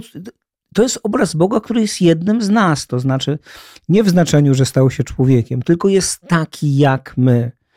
A my jednak wierzymy w Boga, który jest radykalnie inny, który jest miłością, którym jest sprawiedliwość. Ja też nie chcę zbudować takiego Boga, bo też jest taki obraz i to się często zarzuca zwolennikom tej wizji. Taki pluszowy miś zawsze cię przytuli. I to jest oczywiście prawda. Pan Bóg nas zawsze przytuli. Ale z drugiej strony e, są takie sytuacje w naszym życiu, tak myślę, w której my chcemy być przytuleni, bardzo chcemy być przytuleni. Ja pamiętam w czasie rekolekcji ignacjańskich miałem taki moment moich. To pierwszy tydzień tylko, więc nic, nic jakiegoś wielkiego. Ale był taki moment, kiedy i nic. I była odpowiedzią na cały mój krzyk. Była głucha, absolutna cisza. Takie. E, I, I w pewnym momencie uświadomiłem sobie, przecież ty chcesz odpowiedzi na pytanie, na którą odpowiedź znasz. Ty jej nie potrzebujesz, tylko nie chcesz jej przyjąć. Nie chcesz się z nią zmierzyć. Nie chcesz tego zmienić. Albo nie chcesz przyjąć, że to zmieniłeś. I to jest. Ale to nie jest to, że Pan Bóg przestał mnie kochać, tak? Znaczy, jakby, że przestał mnie że przestał mnie przytulać. Nie? On mnie skonfrontował z samego z sobą, ale znowu nie powiedział mi na końcu, masz tylko jedną dobrą drogę, jak ją wybierzesz, to wtedy będzie dobrze. Pamiętam rozmowę, wiesz, z pewnym jezuitą, który mi powiedział e, o swojej drodze, że po wielu latach w zakonie, jeszcze przed, e, oczywiście no, po ślubach wieczystych, bo jezuici składają śluby wieczyste bardzo wcześnie, ale przed e, diakonatem. No to już tam było pewnie z 10 lat w zakonie. Ze skomplikowanym życiem rodzinnym i tak dalej. Klęknął gdzieś w jakiejś kaplicy i uświadomił sobie z całą pełnią, że niezależnie od tego, co wybierze w tym momencie, czy zostanie jezuitą, czy wystąpi, to Pan Bóg będzie go kochał. I on mówi, to było wyzwalające. I teraz. E, jest także wyzwanie, ale to jest oczywiście wybór między dwoma różnymi dobrami. Ja wiem, to nie jest wybór między. Ale bardziej jest o, o tej wewnętrznej wolności, którą człowiek uzyskuje. To jest doświadczenie wielu osób i nie tylko przy kwestii. Najróżniejszy. I teraz e, ostatecznie w pewnym sensie podobnie jest, to jest inna historia. Ignacy mówi, nie rozróżniamy między dobrem, nie, znaczy nie rozeznajemy między dobrem a złem. Tak? No, nie. E, ale ostatecznie to jest też doświadczenie, które się pojawia w momencie, kiedy wybieram. Nie wybieram dobra, dlatego że jak wybiorę zło, to Pan Bóg przestaje mnie kochać, bo On nie przestaje mnie kochać. Wybieram dobro ze względu na osoby, które mnie otaczają i ze względu na Niego, ale też ze świadomością, że wybór dobra jest drogą że pewne decyzje, które podejmowałem w przeszłości, nawet jeśli były złe, ja już mogę powiedzieć, że one były złe, to nie były dobre decyzje. Popełniłem błąd albo świadomie dokonałem zła, to Pan Bóg jest od nich silniejszy i On może mnie, po pierwsze cały czas mnie kocha, ale po drugie on z tych, y, może być Felix Culpa, tak, no to stare, stare słowo, on z tego wyprowadza dobro ale wyprowadza je w drodze. To jest taka podstawowa idea Franciszka. Ważniejszy jest czas, mm, e, ważniejsza jest droga niż, niż cel do pewnego stopnia. A teraz krótka przerwa. Chciałbym zaprosić Cię do naszej bezpłatnej aplikacji Pogłębiarka. W tej aplikacji znajdziesz codzienne medytacje, kursy rozwijające nas psychologicznie i duchowo, praktykę modlitwy głębi, sortownik myśli, czyli to, co znamy jako ignacjański rachunek sumienia, muzykę medytacyjną oraz tradycyjne modlitwy. Wszystko to bez opłat dla Twojego rozwoju. Pobierz i rozwijaj się. Ale są też, zobacz, argumenty takie y, środowisk tradycjonalistycznych, y, które mówią, bo ty wspomniałeś o kościołach y, reformowanych. No, episkopalnych, najróżniejszych. Tak, które, no i tam pada ten argument. W tych kościołach właśnie dopuszcza się związki homoseksualne, dopuszcza się kobiety na stanowiskach księży biskupów. No i co? I pustkami zioną te, te kościoły. Taki jest argument tego y, zwolenników takiego myślenia. Oni mówią właśnie tutaj Sobór Watykański II i od momentu Soboru Watykańskiego II widzimy spadek powołań, a tylko te środowiska, które mocno trzymają się tradycji jasno wskazują, co jest dobre, czyli oceniają rzeczywistość, to one się jako tak otrzymają. Powiedziałbym, y, hmm, to jest dyskusja oczywiście, która trwa od lat. Y, założenie, że gdyby nie było Soboru Watykańskiego II, nie byłoby kryzysu, jest nieprawdziwe. Sobór Watykański II był próbą zaradzenia kryzysowi, który się rozpoczął już wcześniej i było go widać. Próbą do pewnego stopnia udaną, a do pewnego stopnia nieudaną. Ale on nie wywołał kryzysu. Kryzys już był. To jakby po pierwsze. Po drugie, oczywiście, tak, wspólnoty tradycjonalistyczne przyciągają powołania. Zostawiam na boku prostą arytmetykę. E, ile jest seminariów tradycyjnych, a ile jest zwykłych seminariów? I taką prostą statystykę, gdzie jest więcej kleryków, jednak. To po drugie. Po trzecie, pozostając jeszcze cały czas w przestrzeni Kościoła katolickiego, Um, ja akurat bardzo lubię liturgię trydencką. To nie jest tak, że jej nie lubię.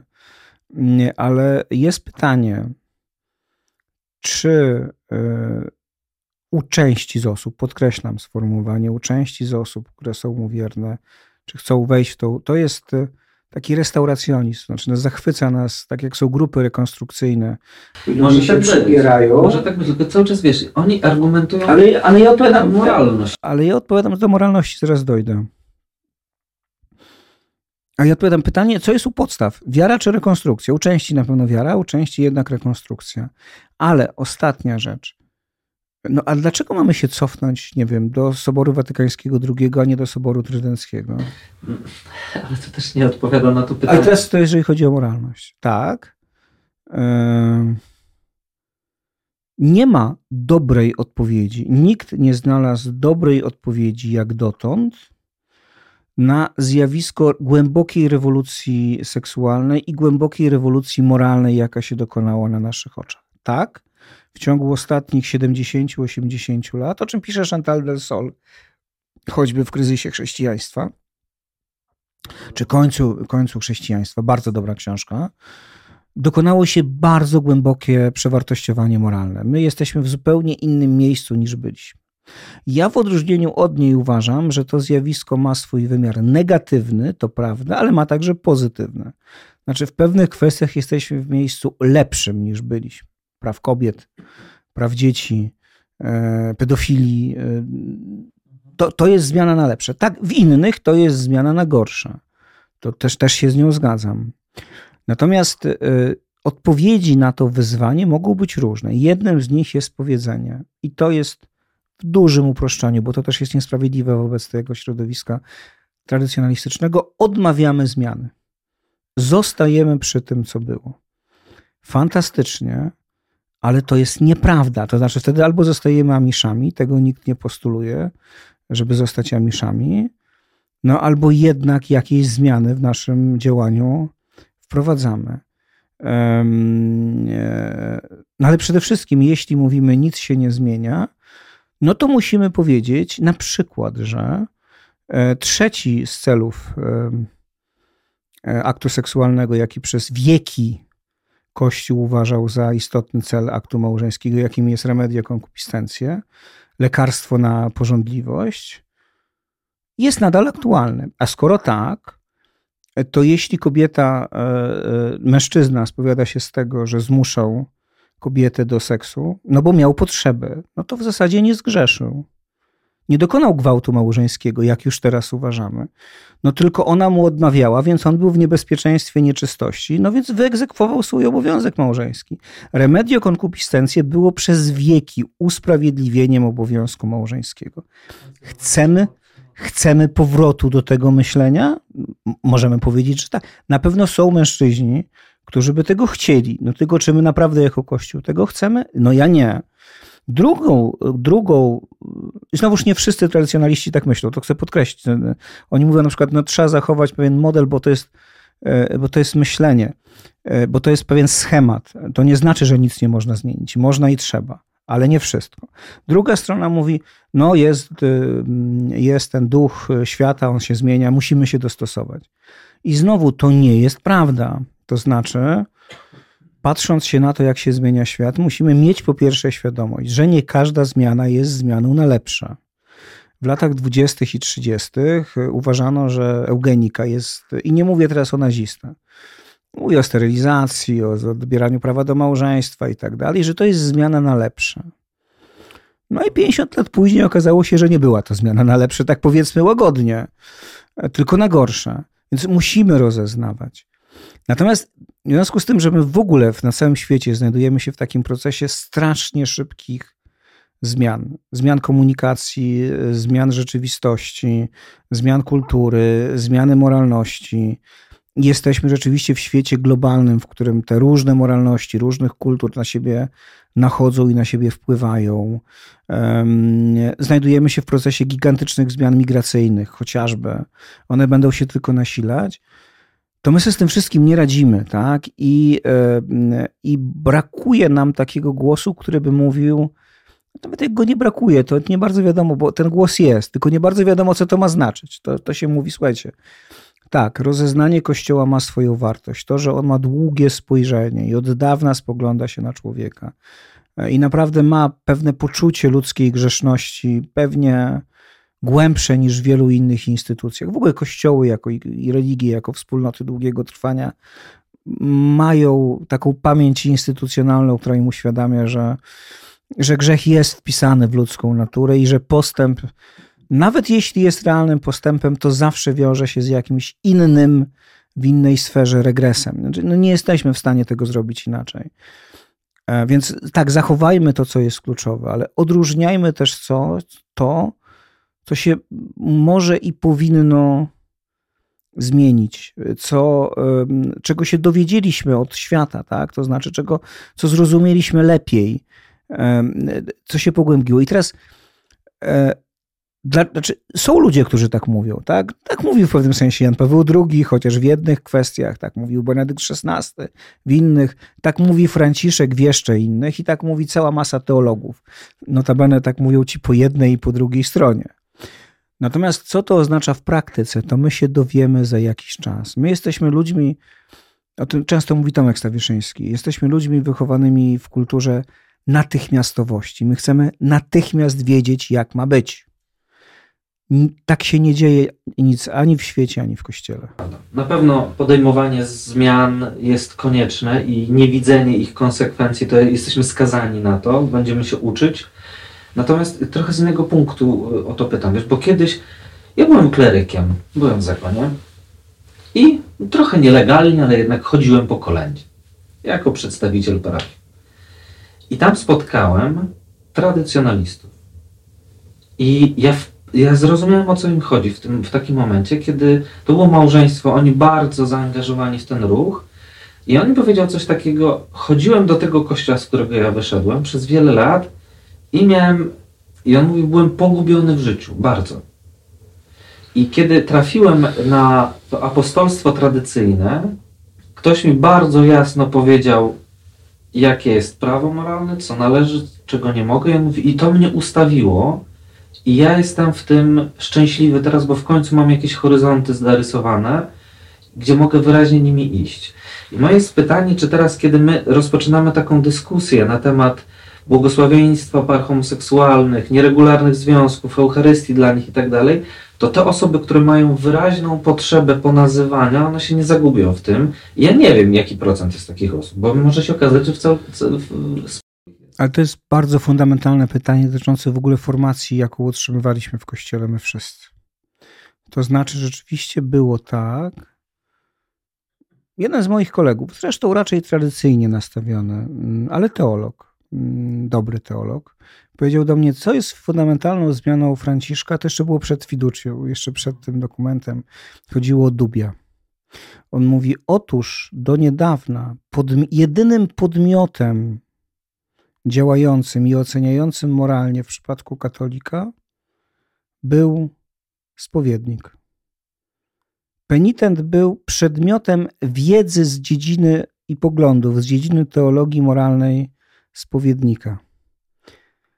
Franciszek mówi nam nie. Podmiotem moralnym jest zawsze osoba podejmująca decyzję. A penitent, a spowiednik jest tym, który jej towarzyszy. I to jest radykalna zmiana. Dlaczego? No ale to, to tak było w praktyce, w teorii to nie było tak. No, ale teraz jak było w Aha. praktyce. W teorii to oczywiście było tak, że mówiono, że, że, że trzeba towarzyszyć, tak, tak, oczywiście. Mówiono, że sumienie natychmiast dodawane, ale jak jest źle ukształtowane, to poniesiecie odpowiedzialność za to. Ale też e, w praktyce bywało bardzo różnie z tym. Natomiast przechodząc teraz do tego, co z tego wynika. Przez wieki uczono nas, że rzeczywistość jest, a na pewno od Soboru Trydenckiego, trochę wcześniej też, ale Trydent był tutaj takim momentem kluczowym. I to miało swoje zalety też. Ja nie chcę powiedzieć, że to nie miało żadnych zalet. Miało. Y, natomiast przestało się sprawdzać, że są jasne reguły, jak one nie funkcjonują, to trzeba je doprecyzować kazuistycznie i na każde Twoje pytanie moralne my będziemy mieli odpowiedź.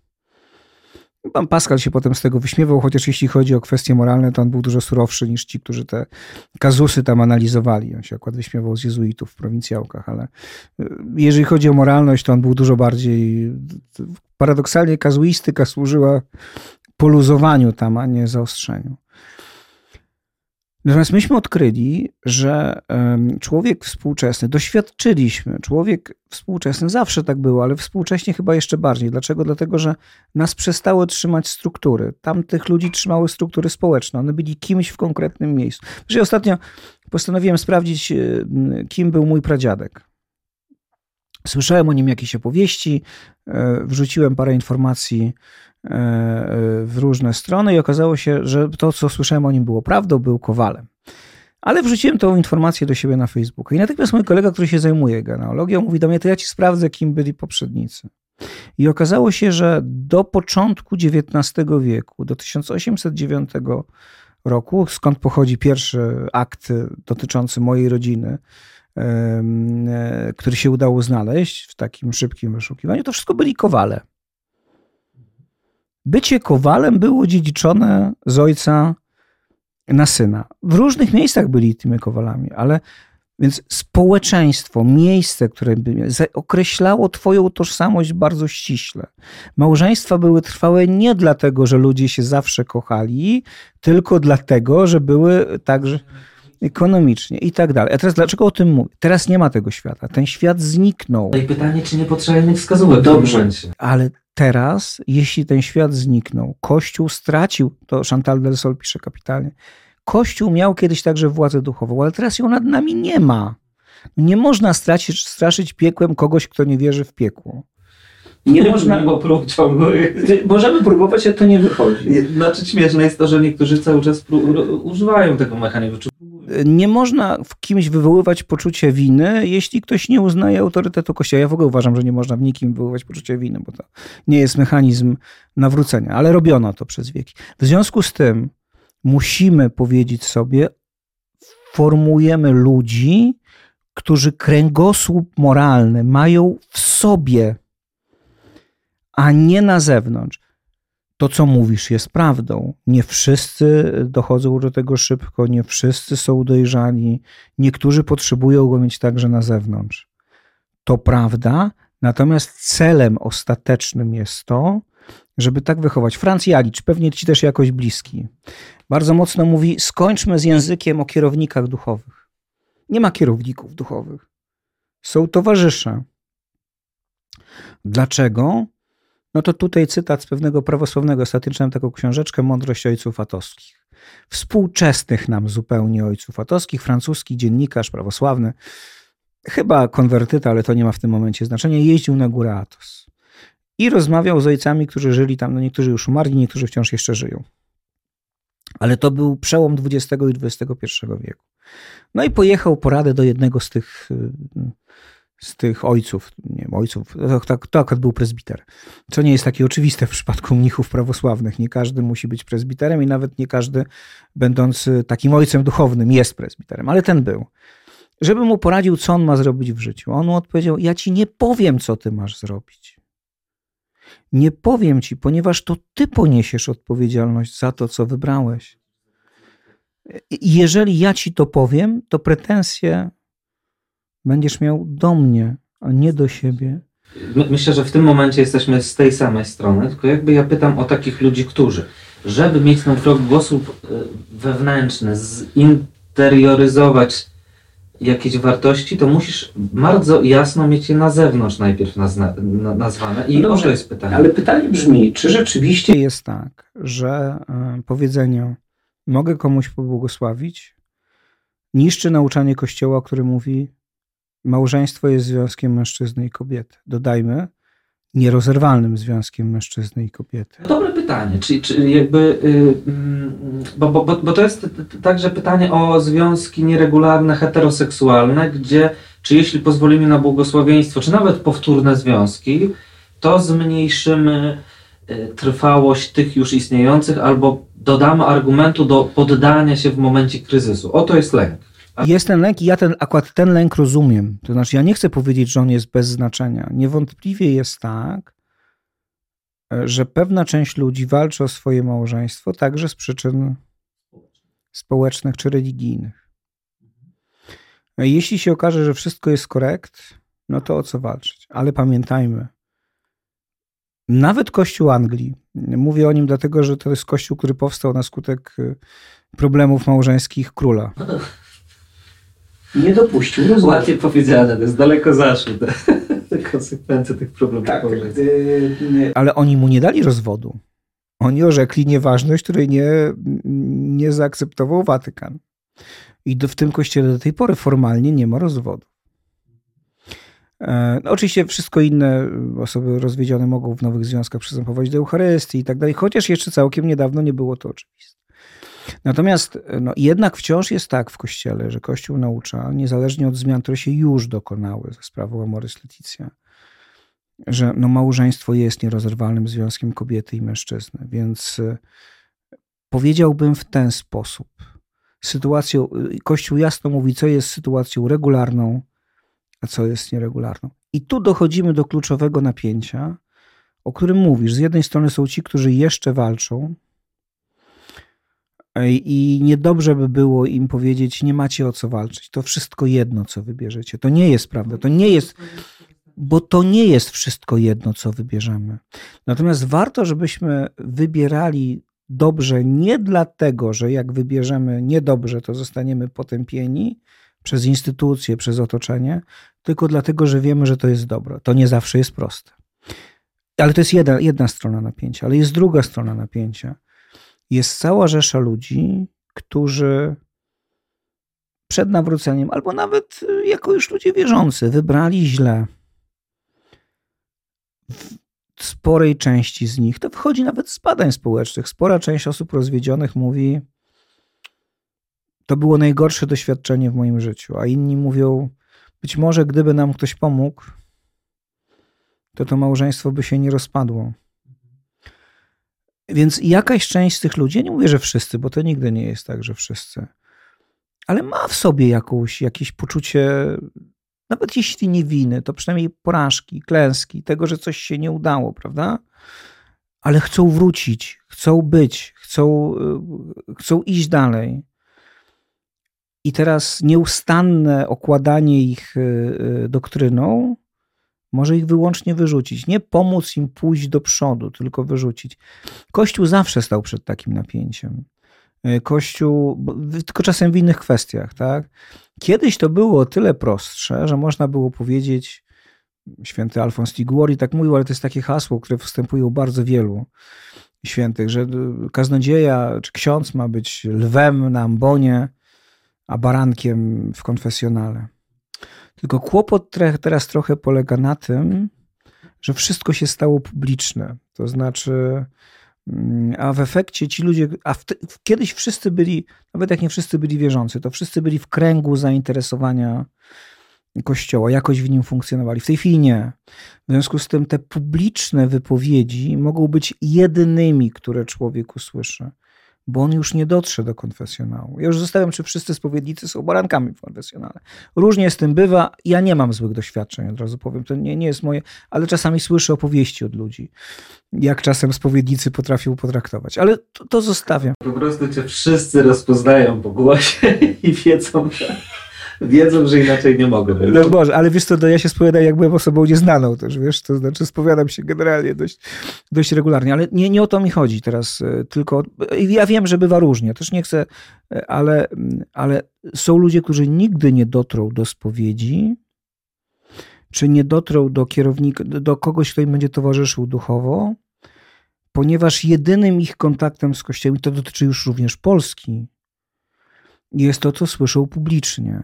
I nie ma znaczenia, to jest dramatyczne, nie ma znaczenia, czy to jest obraz prawdziwy, czy nie.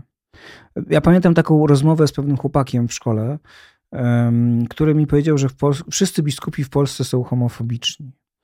I ja go, bo wszyscy występują przeciwko osobom homoseksualnym. Ja mu zadałem pytanie, to proszę wymienić tych, o których pan myśli. Padły trzy nazwiska. No dobrze, no i dalej. No poprosiłbym dalej, mówię, no bo zna pan innych biskupów, no tutaj może tylko tych trzech zna, ale zna pan innych biskupów.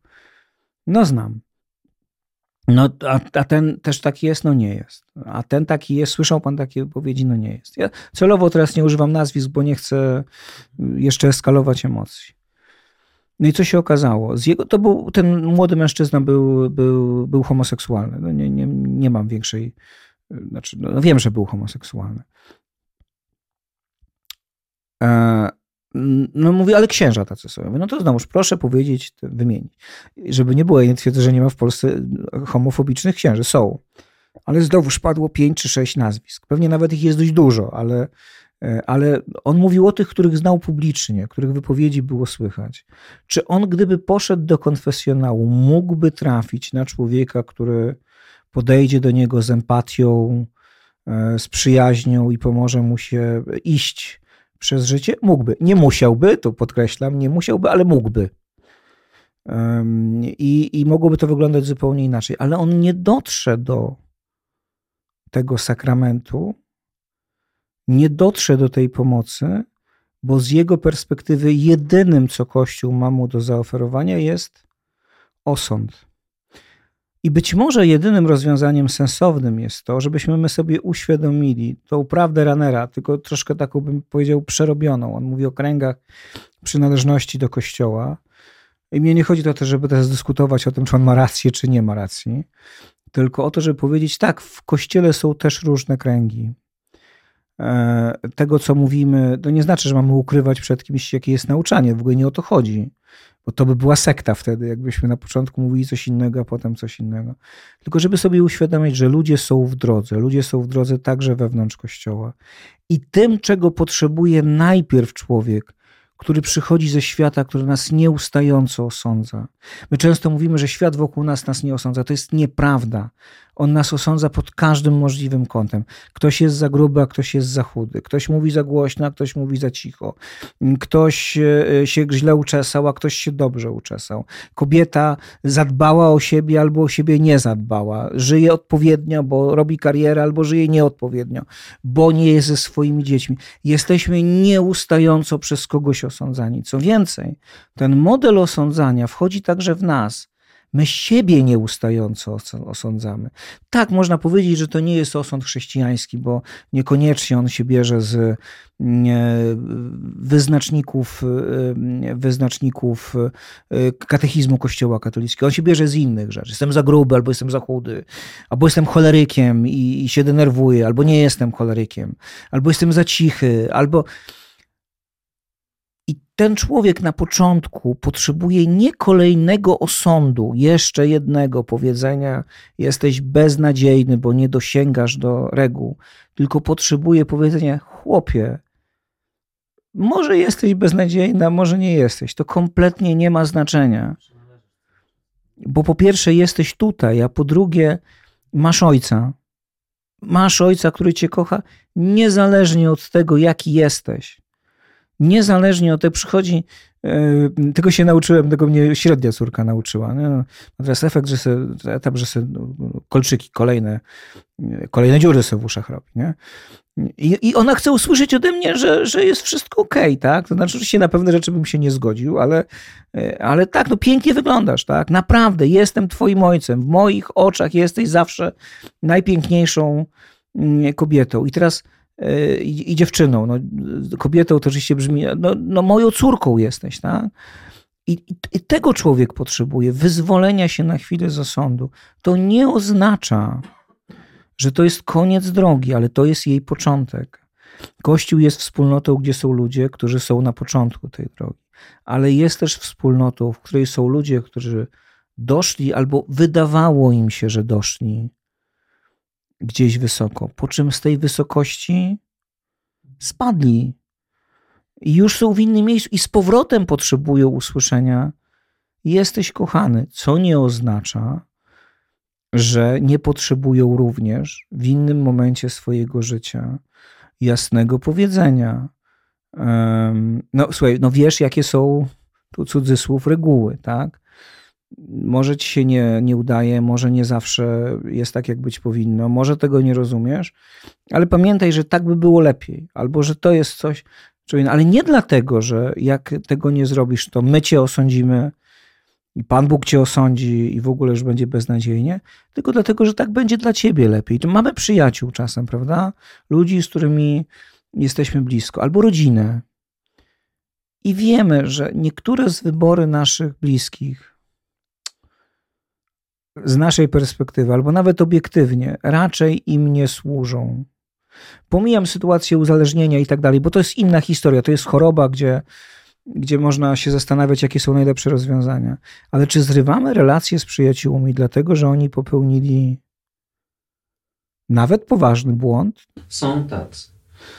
No i moim zdaniem to jest błąd. Powiem w ten sposób. Dlatego, że jeśli jestem z kimś w przyjaźni, w pewnym sensie jestem z nim w przymierzu. E, I to nie znaczy, że moje relacje z przyjaciółmi się czasem nie luzują. Nie chcę przez to powiedzieć, że ja tylko mówię o pewnej zasadzie. E, no to towarzyszę mu dalej. Jeśli tracę z nim relację, to po pierwsze on traci przyjaciela, on ma poczucie jeszcze większego odtrącenia i osamotnienia. Mm, a co więcej, ja szczególnie jeśli to jest ktoś, z którym przeszliśmy kawał drogi razem, tracimy możliwość jakiegokolwiek wpływu, nawet już czysto po chrześcijańsku. Co zyskam, jeśli zamknę drzwi przed przyjacielem, który do mnie przychodzi y, poradę? Co zyskam, jeśli zamknę drzwi przed moją córką czy moim synem, którzy do mnie przyjdą w sytuacji nieregularnej? Bo moim zdaniem właśnie... Poza dobrym samopoczuciem moralnym. To zostawmy, bo jakby wiesz, też warto rozróżnić, myślę, takie osoby, które kiedy słyszą o takich, y, y, o tym, że Kościół otwiera się na związki homoseksualne, zostawmy to, czy to jest prawda, czy to nie jest prawda, jakby w, w kontekście tych dokumentów, ale że ich coś rozbija. Ja myślę, że te osoby też potrzebują tak samo towarzyszenia, tak.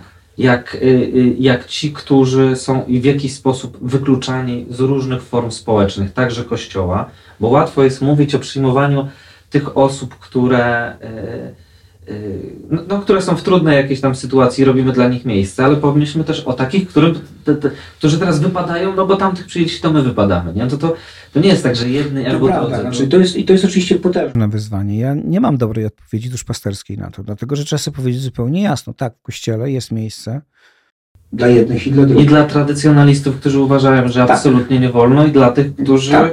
Co więcej, są w tych sytuacjach. Mądre duszpasterstwo oznacza, nie tylko, że każdy ma swoich duszpasterzy, bo to jest najprostsze rozwiązanie. To znaczy takie, w którym jedni mają swoich, drugi mają swoich i oni się nie widzą. Można, ale to chyba nie o to chodzi. Tylko mądre duszpasterstwo to jest takie, w którym duszpasterz e, bardziej słucha. Duszpasterz to nie znaczy tylko ksiądz, podkreślmy, bo my też czasem występujemy w takiej roli, ktoś do nas przychodzi. Bardziej słucha, niż mówi. Próbuje zrozumieć emocje, trudności, wyzwanie, jakie stoją przed osobą, z którą rozmawia, i próbuje nie tyle ją przekonać, co jej w tych y, trudnościach towarzyszyć. E, nie chodzi o to, bo oczywiście jest realną sytuacją. O tym mówią na przykład czasem byli księża rzymskokatolicy, anglikańscy, którzy stali się duchownymi rzymskokatolickimi. Oni mówią, zawsze tak się zaczyna. Robimy miejsce, robimy miejsce, robimy miejsce, aż w końcu dla tych tradycjonalistów nie ma miejsca.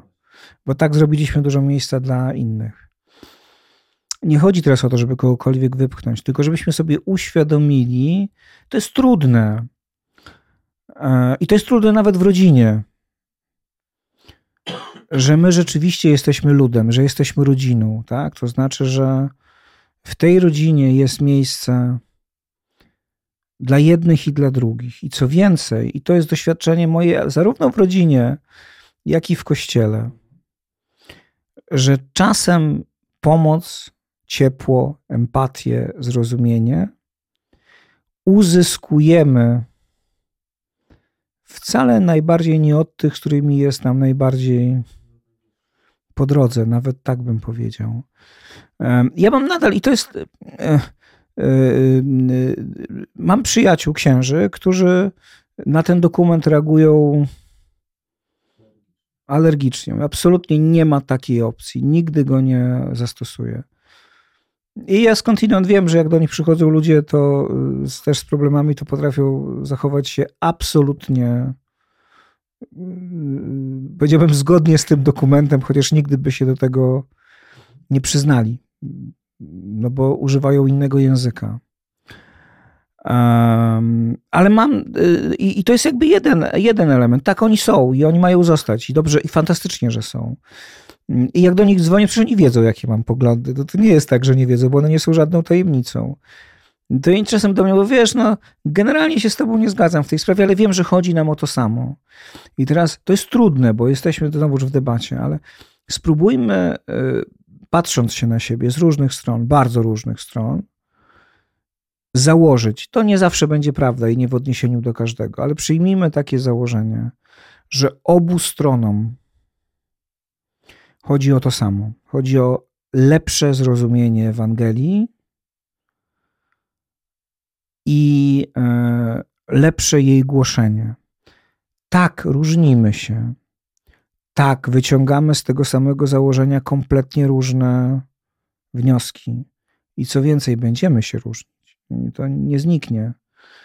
E, myślę, że do pewnego stopnia, biorąc pod uwagę tempo zmian, także tempo zmian społecznych i obyczajowych, to moje dzieci będą jeszcze bardziej w tej debacie, chociaż dla nich to jest w ogóle coraz mniejszy problem. To też warto zwrócić uwagę. Dla młodych, my, my, my już jesteśmy z różnych pokoleń, a moje dzieci są jeszcze z różnego. Ja mogę powiedzieć tak, jak ja chodziłem do liceum, to ja, znaczy no znałem, już wiem, że znałem, ale o nikim z moich znajomych nie wiedziałem, że jest homoseksualny. Homoseksualność dla mnie była no, słyszałem, że takie coś jest, tak. No, tyle. Jako chłopak heteroseksualny to w ogóle nie było w zakresie mojego zainteresowania. E, podejrzewam, że w Twoim pokoleniu już było inaczej. O tym się już jakoś mówiło. Mniej lub bardziej otwarcie, ale w pokoleniu moich dzieci to jest w ogóle temat, o którym się zupełnie normalnie rozmawia. A, to jest osoba biseksualna, to jest heteroseksualna, ten jest niebinarny. To w ogóle dla nich nie jest temat moralny. To znaczy, to, to, to, to w ogóle nie staje przed nimi takim wyzwaniu, tak? To znaczy, no, no, no po prostu jest, jest i tyle. Ale to też, ja mam wątpliwości, czy to dobrze. Ale ja tak teraz... Że, ja rozumiem. Ja, ja, nie chcę, żebyśmy teraz ocenili, czy to jest dobrze, czy źle. Ja mówię, jak jest teraz, mhm. tak? E, I, I, chyba to się szybko nie zmieni, chociaż akurat w tej sprawie oczywiście mogę się, mogę się mylić. Chcę tylko powiedzieć, że dla wszystkich tych pokoleń jest miejsce w kościele i chcę powiedzieć, że e, do, każ do każdego z tych pokoleń, z tych miejsc, bo oczywiście w tym młodym pokoleniu są też na przykład tradycjonaliści, to jest ruch w tej malejącej grupie katolików, młodym, młodych katolików, ruch tradycyjnym jest istotnym zjawiskiem. Rozwijającym się oczywiście. I teraz chcę tylko powiedzieć, spróbujmy patrzeć się na siebie z takim założeniem, chodzi nam o to samo. E, to jest trudne dla obu stron. Ja nie chcę powiedzieć, bo łatwo jest powiedzieć, nie jest teraz łatwo powiedzieć, o, tradycjonaliści wykluczają. Prawda jest taka, że tradycjonaliści też bywają wykluczani. I też są traktowani czasem niedobrze. Przez papieża Franciszka można Na przykład. Głosiciela wolności. Tak, ale chcę powiedzieć tyle. To znaczy, yy, i to jest bardzo trudne, bo oczywiście bierzemy udział też w debacie, opowiadamy się po pewnych stronach, uczestniczymy, ale przyjmijmy przynajmniej tyle. Druga strona ma dobre intencje. Co więcej, niektóre z argumentów drugiej strony trzeba poważnie rozważyć. Nie powiedziałeś o tym jeszcze, to ja o tym powiem. Tak, jeśli e, powiemy, że pewne rzeczy wolno, to to wymaga bardzo głębokiego przepracowania, powie jedna strona, a druga strona powie zmiany albo destrukcji całej moralności seksualnej Kościoła. E, I ten argument padał już w latach 60. w czasie dyskusji o antykoncepcji. Jeśli dopuścimy antykoncepcję, no to w zasadzie wyjmujemy tą cegiełkę y, i cały murek zaczyna się kruszyć. No w tej chwili jesteśmy w zupełnie innym miejscu. I teraz wcale nie chodzi o to, żeby powiedzieć, to jest nieprawda. To jest prawda. Co więcej, wcale nie chodzi o to, żeby powiedzieć, e, nic, w związku z tym nic nie możemy zmienić, bo i zmieniamy. Prawda jest taka, że zmieniamy. E, naturalne metody planowania rodziny to jest Paweł VI. Pius XI by się absolutnie na to, jako na taką zwyczajną metodę nie zgodził, więc się coś zmieniło. Chodzi tylko o to, żeby mieć świadomość, tak, zmiana może mm, zdestruować wszystko, a jeśli zdestruuje wszystko, no bo jeśli powiemy, to też jest dobry argument, tak? I z nim się trzeba zmierzyć uczciwie. Bo można powiedzieć, no ale to tylko w kwestii seksualnej się zmieni. No dobra, ale jeżeli mówimy, Kościół mógł się, mógł przez wieki wymagać od ludzi czegoś, czego od nich teraz nie wymaga, notabene w pewnych kwestiach już tak było jest, to dlaczego we wszystkich innych ma czegokolwiek od nas wymagać? Jeśli mógł się mylić w kwestii oceny moralnej y, homoseksual, aktów homoseksualnych, czy, czy aktów y, y, z antykoncepcją, to dlaczego się nie może mylić w innych sprawach? No to znaczy, że żyjemy we wspólnocie omylnej. I teraz teologicznie to my oczywiście wiemy, że w pewnych kwestiach szczegółowych ludzie Kościoła mogli się mylić. Wiemy to. No, wiemy, że w doktrynalnych kwestiach różnie, no, te zapisy się, my ładnie mówimy, doprecyzowały. No ale ten proces doprecyzowania oznaczał, że niektóre z zapisów wcześniejszych y, po doprecyzowaniu otrzymywały kompletnie inny sens. Natomiast chcę powiedzieć tyle. Natomiast wyciągnięcie z tego z wszystkich wniosków wcale nie jest proste, ale po drugie wcale nie musi być prawdziwe. Tomek, bo to idzie dużo dalej niż, bo, bo dla części osób przynajmniej, nie? Poddanie pod dyskusję to, że Kościół, ksiądz, biskup, papież może nie mieć rację, może coś się zmieniać, dlatego że coś, no właśnie, doprecyzowują, to dla nich to znaczy, że to, w co wierzyłam albo wierzyłem, że to jest obiektywna prawda moralna, jakby to się rozsypuje. I ja, wydaje mi się, że wiele osób jakby cały czas patrzy w taki sposób, że to jest wyznacznik prawdy. Nie taką, którą odkrywamy, tylko taką, którą posiadamy. No tak, ale istotą i znowuż e, rozumiem tę obawę, rozumiem ten lęk. Co więcej, wiem, jakie są jego skutki. Quebec przed e, Soborem Watykańskim II był w 90 kilku procentach katolicki z ogromnym e, poziomem praktyk. Po Soborze Watykańskim II i po debacie o antykoncepcji zostało kilkanaście procent. No bo ludzie doszli do wniosku, mylił się Kościół, to dlaczego nie może się mylić w innych rzeczach? To, to tylko jeden z elementów tego zjawiska, ale jeden z elementów. Natomiast chcę powiedzieć tyle. Istotą prawdy, jaką głosi Kościół, jest Chrystus. On jest prawdą. Osoba jest prawdą. Nie tekst, nie litera, nie doktryna w takim znaczeniu y, zapisu, tylko osoba. Co więcej, tekst, litera, zapis, doktryna funkcjonuje w różnych językach. No, każdy teoretyk y, y, literatury, każdy filozof języka wie, że tłumaczenie jest zawsze interpretacją. Że tłumaczenie zawsze zawiera w sobie elementy nieprzekładalne, do rzucenia tego, co jest nieprzekładalne w danym języku. Co więcej, każdy tekst i każda doktryna jest czytana w doświadczeniu danego okresu. E, I w związku z tym e, to nie jest tak, że litera jest niezmienna. My wierzymy w to, że Kościół głosi prawdę, czyli Chrystusa. To On jest istotą tej prawdy, a nie litera nie zapis. On jest potrzebny, żeby nie uchwycić tego, co jest kluczowe, ale jeśli on zastąpi, żeby nie utracić tego, co kluczowe, ale jeśli on zastąpi to, co jest kluczowe, to y, próbuję teraz czytać, y, czy, czytam teraz komentarz do listu do Rzymian Karla Barta. I Karl Bart mówi tak ten moment jest jeszcze co, ten, ten pierwszy rozdział jest mowa o bezbożności człowieka i on mówi, bezbożnością jest uznanie, że my mamy prosty, pełny dostęp do prawdy o Bogu, że nasz język, nasze poznanie, nasze myślenie odpowiada tego, temu, kim on jest. Nie odpowiada. I nie może odpowiadać. Ja się nie zgadzam do końca z Bartem, bo jest pewna analogia. On odrzuca nawet analogię. Ale chcę powiedzieć tyle. Litera nie może wyrazić pełni prawdy nie tylko o osobie Jezusa Chrystusa, ale nawet o drugim człowieku. To, to zawsze jest coś więcej. I z tej perspektywy musimy się z tym zmagać. To, co wiemy, znowuż, y, czymś zupełnie innym było myślenie y, o języku, o wyrazie wieku XIV czy XV. Teraz filozofia języka mówi nam bardzo dużo o tym, czym jest interpretacja, czym jest tekst, czym jest słowo. I my nie możemy uznać, że tak, to wszystko, co wiemy, odnosi się do każdego tekstu, ale nie do tekstu katechizmu albo nie do tekstu nauczania Kościoła. No oczywiście, że się odnosi. No przecież jeżeli stosujemy hermeneutykę y, czytania tekstu biblijnego, to nawet wiemy, że się do Biblii odnosi. Nie jesteśmy wyznawcami Koranu i nie uważamy, że prawda w postaci Koranu spadła z nieba. Nie jesteśmy, czasami protestanci tak postrzegają katolików, nie jesteśmy papistami, którzy wierzą, że każde zdanie wypowiedziane przez papieża jest jak taka kulka, którą Pan Bóg zrzuca z nieba, żeby nam powiedzieć, jak jest. No, to, to jest po prostu nieprawda o, o, o naszej wierze. Wiele osób jednak tak y, uważa, że im bardziej radykalnie, dosłownie potraktujemy pewne zapisy, tym bardziej jesteśmy wierni. Ale w którym tłumaczeniu?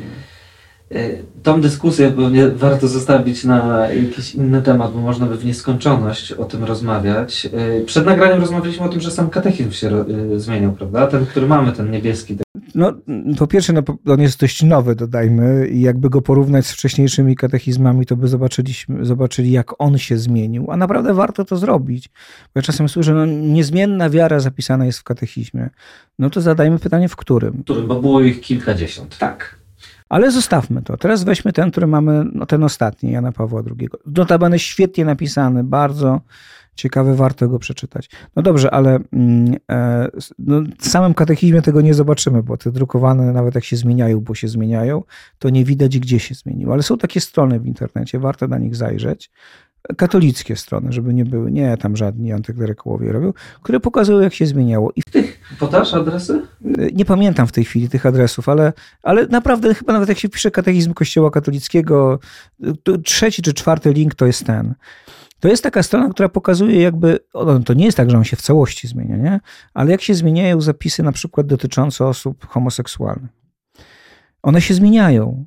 Y, jeszcze zmieniał je Jan Paweł II, potem je zmieniał Benedykt XVI. Y, y, bardzo ciekawym przykładem jest to, jak się zmieniają zapisy dotyczące kary śmierci. One były inne. Jeszcze lat temu kilkanaście Jan Paweł II mówił, kara śmierci jest dopuszczalna, choć z przyczyn społecznych Żyjemy w świecie, w którym nie powinna być wykonywana. A w tej chwili. Separować te osoby od społeczeństwa. Tak, skutecznie istnieje tak. To już jest oczywiście element, który potem pisał gdzie indziej. Ale papież Franciszek zmienił ten zapis. Zmienił go oficjalnie w katechizmie i jest mowa o tym, że kara śmierci jest niemoralna i nieewangeliczna. Czyli się zmienia. Nie wszędzie się zmienia. Znowu nie wszyscy katolicy tak uważają. Zgoda, natomiast ja chcę powiedzieć tylko tyle zapisy w katechizmie, w tych szczególnie dyskutowanych szeroko sprawach, to powiedzmy, się zmieniają. James Martin, wspomniany tutaj na przykład, mówi tak. Ja bym nie chciał jakiejś wiedzy. Nawet nie chodzi o to, żeby jakoś bardzo głęboko zmieniać zapisy w katechizmie Kościoła katolickiego. Ale może by innymi słowami, albo wyrzucić sformułowanie o obiektywnym nieuporządkowaniu skłonności homoseksualnej. Dlaczego? Mówi dlatego, że to jest takie sformułowanie, które mówi, nie tylko Twoje akty są nieregularne czy obiektywnie nieuporządkowane, ale Ty sam jesteś jakoś nieuporządkowany. nieuporządkowany. I, I to może być raniące. I teraz e, na razie to się nie zmieniło, żeby nie było wątpliwości, ale biorąc pod uwagę, ile razy akurat zapisy dotyczące homoseksualności, w jakich miejscach się zmieniały, a zmieniały się, były zaostrzane albo liberalizowane, e, e, no to, to nie ma, znaczy nie chcę powiedzieć, że się mają zmienić, ale nie możemy wykluczyć, że na przykład ten zapis się zmieni. I tylko tyle, musimy o tym pamiętać. To znaczy, my byśmy chcieli żyć w świecie, który się nieustająco zmienia, chcielibyśmy mieć niezmienny Kościół ale, ale on taki nie jest. Wiesz co, ja dzisiaj rano szedłem, odprowadzałem córkę do szkoły, a potem, po, potem poszedłem po chleb i wracałem obok kościoła, w którym byłem chrzczony, przystępowałem do pierwszej komunii świętej, bierzmowana, potem jeszcze ślub brałem swój. Mój rodzinny, no nie rodzinny, ale parafialny, nawet nie był parafialny, bo to nie była moja parafia, ale tam się zawsze chodziło, bo tak się, granice mm, parafii były inaczej ułożone niż granice w głowach ludzi, o tak powiedzmy. Przychodzimy obok tego kościoła, mm, jeszcze ten śnieżek taki ładny wokół, tak biało. I miałem taką myśl, no to jest takie miejsce, y, do którego ja zawsze mogę wrócić. Nie? Znaczy zawsze do niego mogę przyjść z powrotem. e, i jakoś, jakoś się w nim odnaleźć.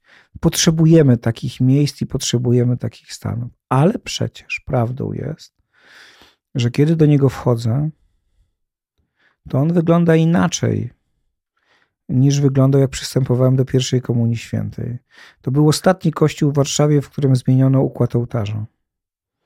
Bo się proboszcz nie zgodził, a prymas nie chciał go do tego zmuszać. I myśmy zobaczyli układ posoborowy ołtarza w 82, 83 roku, dużo później niż wszyscy inni.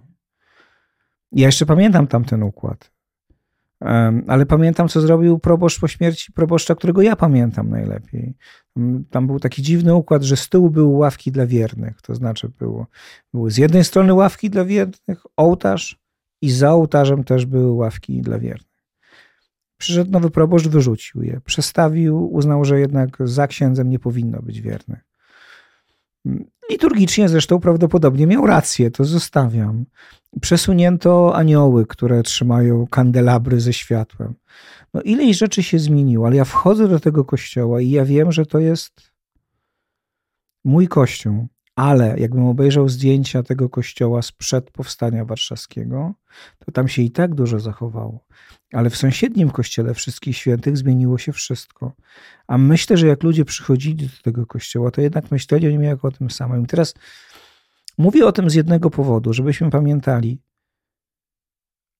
jedni i drudzy. Po pierwsze, tak zmieniają się pewne rzeczy w kościele, już tylko na przykładzie tego budynku. Ale mądrość Kościoła przez wieki polegała na tym, że Kościół nie dokonywał rewolucji. To się czasem zmieniało. Reforma liturgiczna bywała wprowadzana rewolucyjnie i to się źle skończyło w bardzo wielu miejscach Kościoła. E, tylko wprowadzał zmiany ewolucyjnie w debacie, a jak uznawał, że debata jest za ostra, to ją często zatrzymywał. No, no, dajmy sobie czas. I tu powinno być podobnie. To jest trudne, bo świat się zmienia szybko. To jest trudne, bo jedni by chcieli już mieć wszystkie zmiany i już, żeby było tak, jak oni chcieli, a drudzy by chcieli, żeby nic się nie zmieniło. No bo wiesz, nagle w różnych częściach świata głosimy tak naprawdę różną moralność. No i to nawet nie tak odległych po drugiej stronie y, granicy. To w Warszawie to mniej czuć, ale mam kolegę, który do mnie mówi sobie, no jestem proboszczem przy granicy. Przychodzi do mnie wierny i mówi, byłem u spowiedzi u niemieckiego proboszcza i on mi pozwolił przystępować do Komunii Świętej. Pytanie, czy może w tej A czy mogę u ciebie? I on mówi, no przecież to jest kuriozalna sytuacja, nie? Znaczy, co ja mam mu powiedzieć?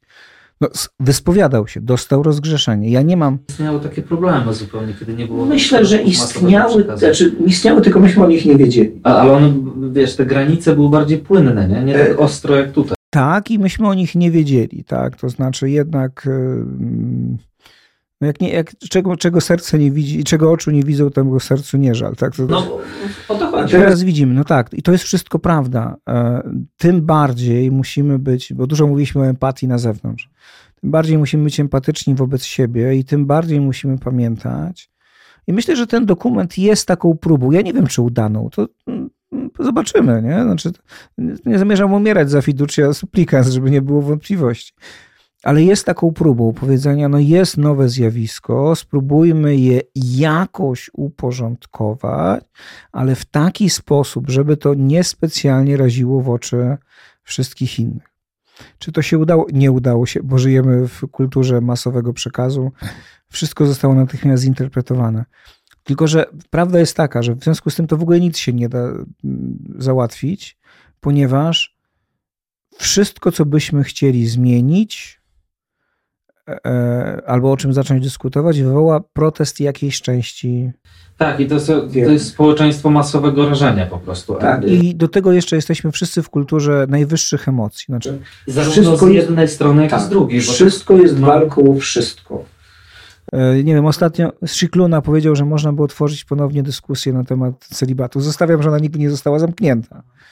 No i jedna strona powiedziała, no nareszcie. No, ani nie nareszcie, bo on nie ma żadnej władzy, ani, a druga powiedziała, nie, to będzie koniec kapłaństwa. No ani jedno, ani drugie. E, debata trwa.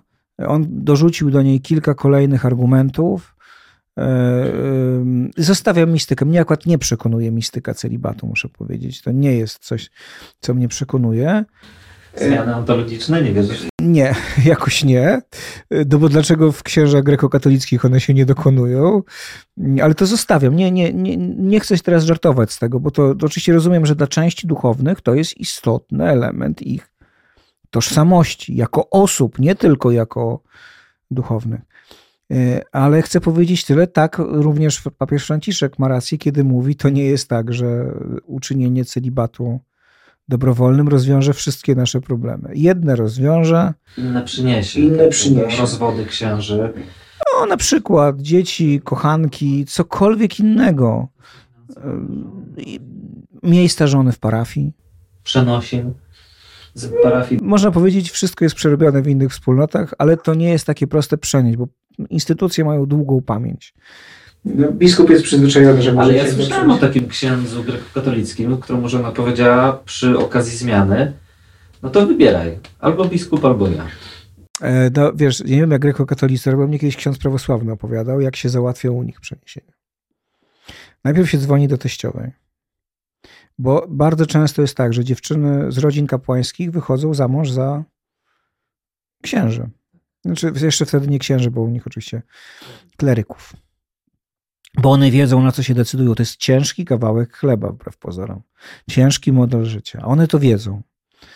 No więc najpierw dzwoni się do teściowej, która często jest żoną jakiegoś innego księdza w diecezji. No i pyta się, jak ona sądzi, czy zięć i córka by się zgodzili. Potem się dzwoni do żony. Czy ona by się zgodziła i tak dalej. To, to często tak, może mówimy o dalszych zmianach, bo jeżeli to jest zmiana gdzieś blisko, to księża prawosławni i tak często mieszkają poza terenem parafii, mieszkają gdzieś, no, czy dojeżdżają do jednego miejsca w odległości 20 kilometrów, czy do drugiego, to nie robi wielkiej różnicy. No ale jeżeli to jest zmiana z jednego końca diecezji, diecezje prawosławne w Polsce są ogromne, no to to już oczywiście robi różnicę. Mm, potem się dzwoni do żony. Jak się żona zgodzi, zaakceptuje, to potem się dzwoni do księdza, żeby go poinformować. Ale i tak bardzo często między decyzją o zmianie a zmianą musi upłynąć rok. No bo żona musi znaleźć nową pracę. No bo dzieci trzeba przenieść ze szkoły do szkoły. No bo trzeba się przeprowadzić. No bo trzeba przygotować dzieciaki na zmianę. To są wszystko istotne decyzje. To nie jest tak, że to wszystko funkcjonuje od tak sobie i już można. E, prawosławne czy grekokatolickie kobiety wiedzą, jak wygląda życie żony księdza. W małej miejscowości, bo w dużej to nikt nie wie, kim oni są, ale w małej wiedzą. A jeszcze jak jest tradycyjna wspólnota, taka naprawdę tradycyjna, która ma oczekiwania wobec żony księdza, a ona jest młodą dziewczyną, która wyszła za mąż za chłopaka, w którym się zakochała, ale jest z rodziny z dużego miasta. E, nie wiem, jest lekarką, nauczycielką. No przecież to są często osoby, takie mężowie, jak i żony z wyższym wykształceniem. No ona przyjeżdża i ona już nie może się ubrać tak, jak chce. No, to, to są realne wyzwania, tak? No powinna chodzić ciemno ubrana, no w jeansach. No ja nie mówię, że tak wszędzie jest, ale są takie miejsca. No ale co, żona na imprezie? Ja znam żony księży grekokatolickich, które chodzą na imprezy, tańczą, bawią się i tak dalej. Ale znam miejsca, gdzie to jest tak, na to się tak patrzy, powiedziałbym, może nawet mniej u grekokatolików, bardziej u prawosławnych, z takim, hmm, no to trudem, o tak bym powiedział. A oni wiedzą, jak to jeść. Nie? My nie będziemy. No i jest jeszcze jeden element. Ja akurat, jak mówię, nie będę umierał za celibat ani za jego zniesienie. Uważam, że dyskusja powinna się odbyć i ja jestem zwolennikiem rozwiązania prawosławnego. Ale, tak, tak, ale mam też świadomość, że w sytuacji głębokiego kryzysu tożsamości kapłańskiej, a on jest, dołożenie do kryzysu z tożsamością kapłańską jeszcze wyzwania, jakim jest zniesienie celibatu, czy dobrowolny celibat, jest potężnym wyzwaniem. Ale z drugiej strony, na drugą nóżkę, przypomnę, Mamy masę żonatych księży łacińskich. I nie mówię o sytuacjach nieregularnych, tu cudzysłów. Nie mówię o sytuacji, w której. Może wytłumaczmy. Grekokatolicki Ja nie mówię o grekokatolikach, Tak, mówię tak, o tak. łacińskich księżach. Myślę o osobach, które nas słuchają, a nie kojarzą tych rozróżnień. To Kościół katolicki ma dwa obrządki, czyli No, ma dużo obrządków, ale no, w Polsce mamy dwa. E, Dwa, czyli grekokatolicki i wschodni. sposób odprawiania mszy Tak, świętej, tak, liturgii. No, ale mamy też koptyjski, ormiański i tak dalej. No, to także w kościele katolickim, ale w Polsce to są um, grekokatolicy, czyli obrządek bizantyjsko-ukraiński e, i oni mogą mieć żony. Od czasów Unii Brzeskiej mogą mieć żony. E, Ale ich zostawiam. Oni mają to doświadczenie, u nich tak było zawsze i tak dalej. Ale mamy księży łacińskich, czyli obrządku rzymskokatolickiego, tego, który jest odprawiany u nas i oni również są żonaci. I tu zastrzegam, nie mamy ich w Polsce, to ważny dodatek. Nie mówię o sytuacji, w której ksiądz ma po prostu partnerkę. Nie, mówię o tym, kiedy on ma oficjalnie żonę. Mówię o duchownych anglikańskich, luterańskich czy innych protestanckich, którzy na pewnym etapie swojego życia jako duchowni podjęli decyzję o Konwersji do kościoła katolickiego. No, no nie jest ich za dużo. Wbrew pozorom to idzie w setki, jeśli nie więcej. W Wielkiej Brytanii i w Stanach Zjednoczonych to są już całkiem pokaźne liczby. Są diecezje, które Setki księży? Tak. Setki księży. To jestem Tak, jeśli- zaskoczony, nie wiedziałem. e, ra, razem, no nie wiem, nie chcę powiedzieć, że tysiące, ale to są naprawdę spore liczby. Ja znam diecezję Wielkiej Brytanii, które w dużej mierze żyją dzięki temu, niektóre z parafii żyją dzięki temu, że przeszli Anglikanie i No i taki ksiądz, który miał ślub... y, Miał, żon, miał był, był wyświęcony, miał żonę, no jest dalej księdzem i dalej może mieć żonę. Dostaje dyspensę od papieża. I takich ludzi jest całkiem sporo. I oni oficjalnie są żonaci i są kapłanami Kościoła katolickiego. E, I Kościół ym, rzymski no, akceptuje to. Oczywiście w przypadku e, powołania mm, prałatur e, dla byłych Anglikanów, od nowych księży wymaga się celibatu.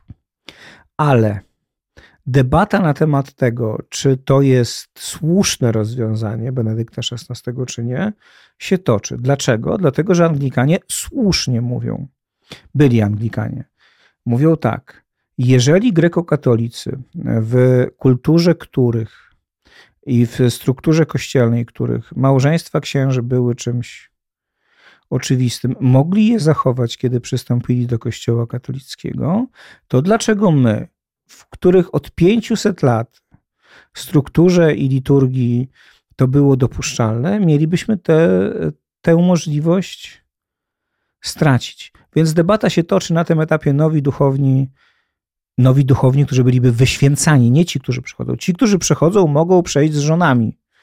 Tylko ci, którzy no, wychowali się, na przykład są młodymi chłopakami, wychowali się, chcieliby zostać duchownym w tym, w tej prałaturze, w tym obrządku, tak powiedzmy, dawnym anglikańskim, Book of Common Prayer, no to od nich by się już wymagało celibatu. To, to jest na razie, to są nie, nie, nieliczne osoby, dużo więcej jest tych, którzy przychodzą. I oni są, i oni funkcjonują. Notabene często są sami zwolennikami celibatu na przykład, czy jego zachowania. Inni nie są. Mm, To są czasem medialne postacie e, bardzo, bardzo często niezwykle konserwatywne, to znaczy także w kwestiach moralnych bardzo konserwatywni. Natomiast chcę powiedzieć, e, nasza polska perspektywa nie wyczerpuje bogactwa Kościoła Światowego. E, I te historie i te debaty, one się toczą e, i na bardzo wiele elementów znajdziemy e, przykłady pozytywne albo negatywne. To- To, to jest oczywiście bardziej skomplikowane. Czyli Kościół się zmienia, będzie się zmieniał. Wiesz, jeszcze nigdy w życiu tak długiej rozmowy, Tomasz, nie miałem. Bardzo dziękuję za ten Bardzo czas. Ci też dziękuję. No to do zobaczenia. Do zobaczenia. Pobierz naszą bezpłatną aplikację Pogłębiarka. Znajdziesz w niej codzienne medytacje, kursy psychologiczne i duchowe, praktykę modlitwę głębi, sortownik myśli, czyli ignacjański rachunek sumienia oraz muzykę medytacyjną i tradycyjne modlitwy. Pobierz i zrób krok w głąb. Tylko dzięki Waszemu wsparciu możemy realizować ten i inne projekty. Dziękujemy.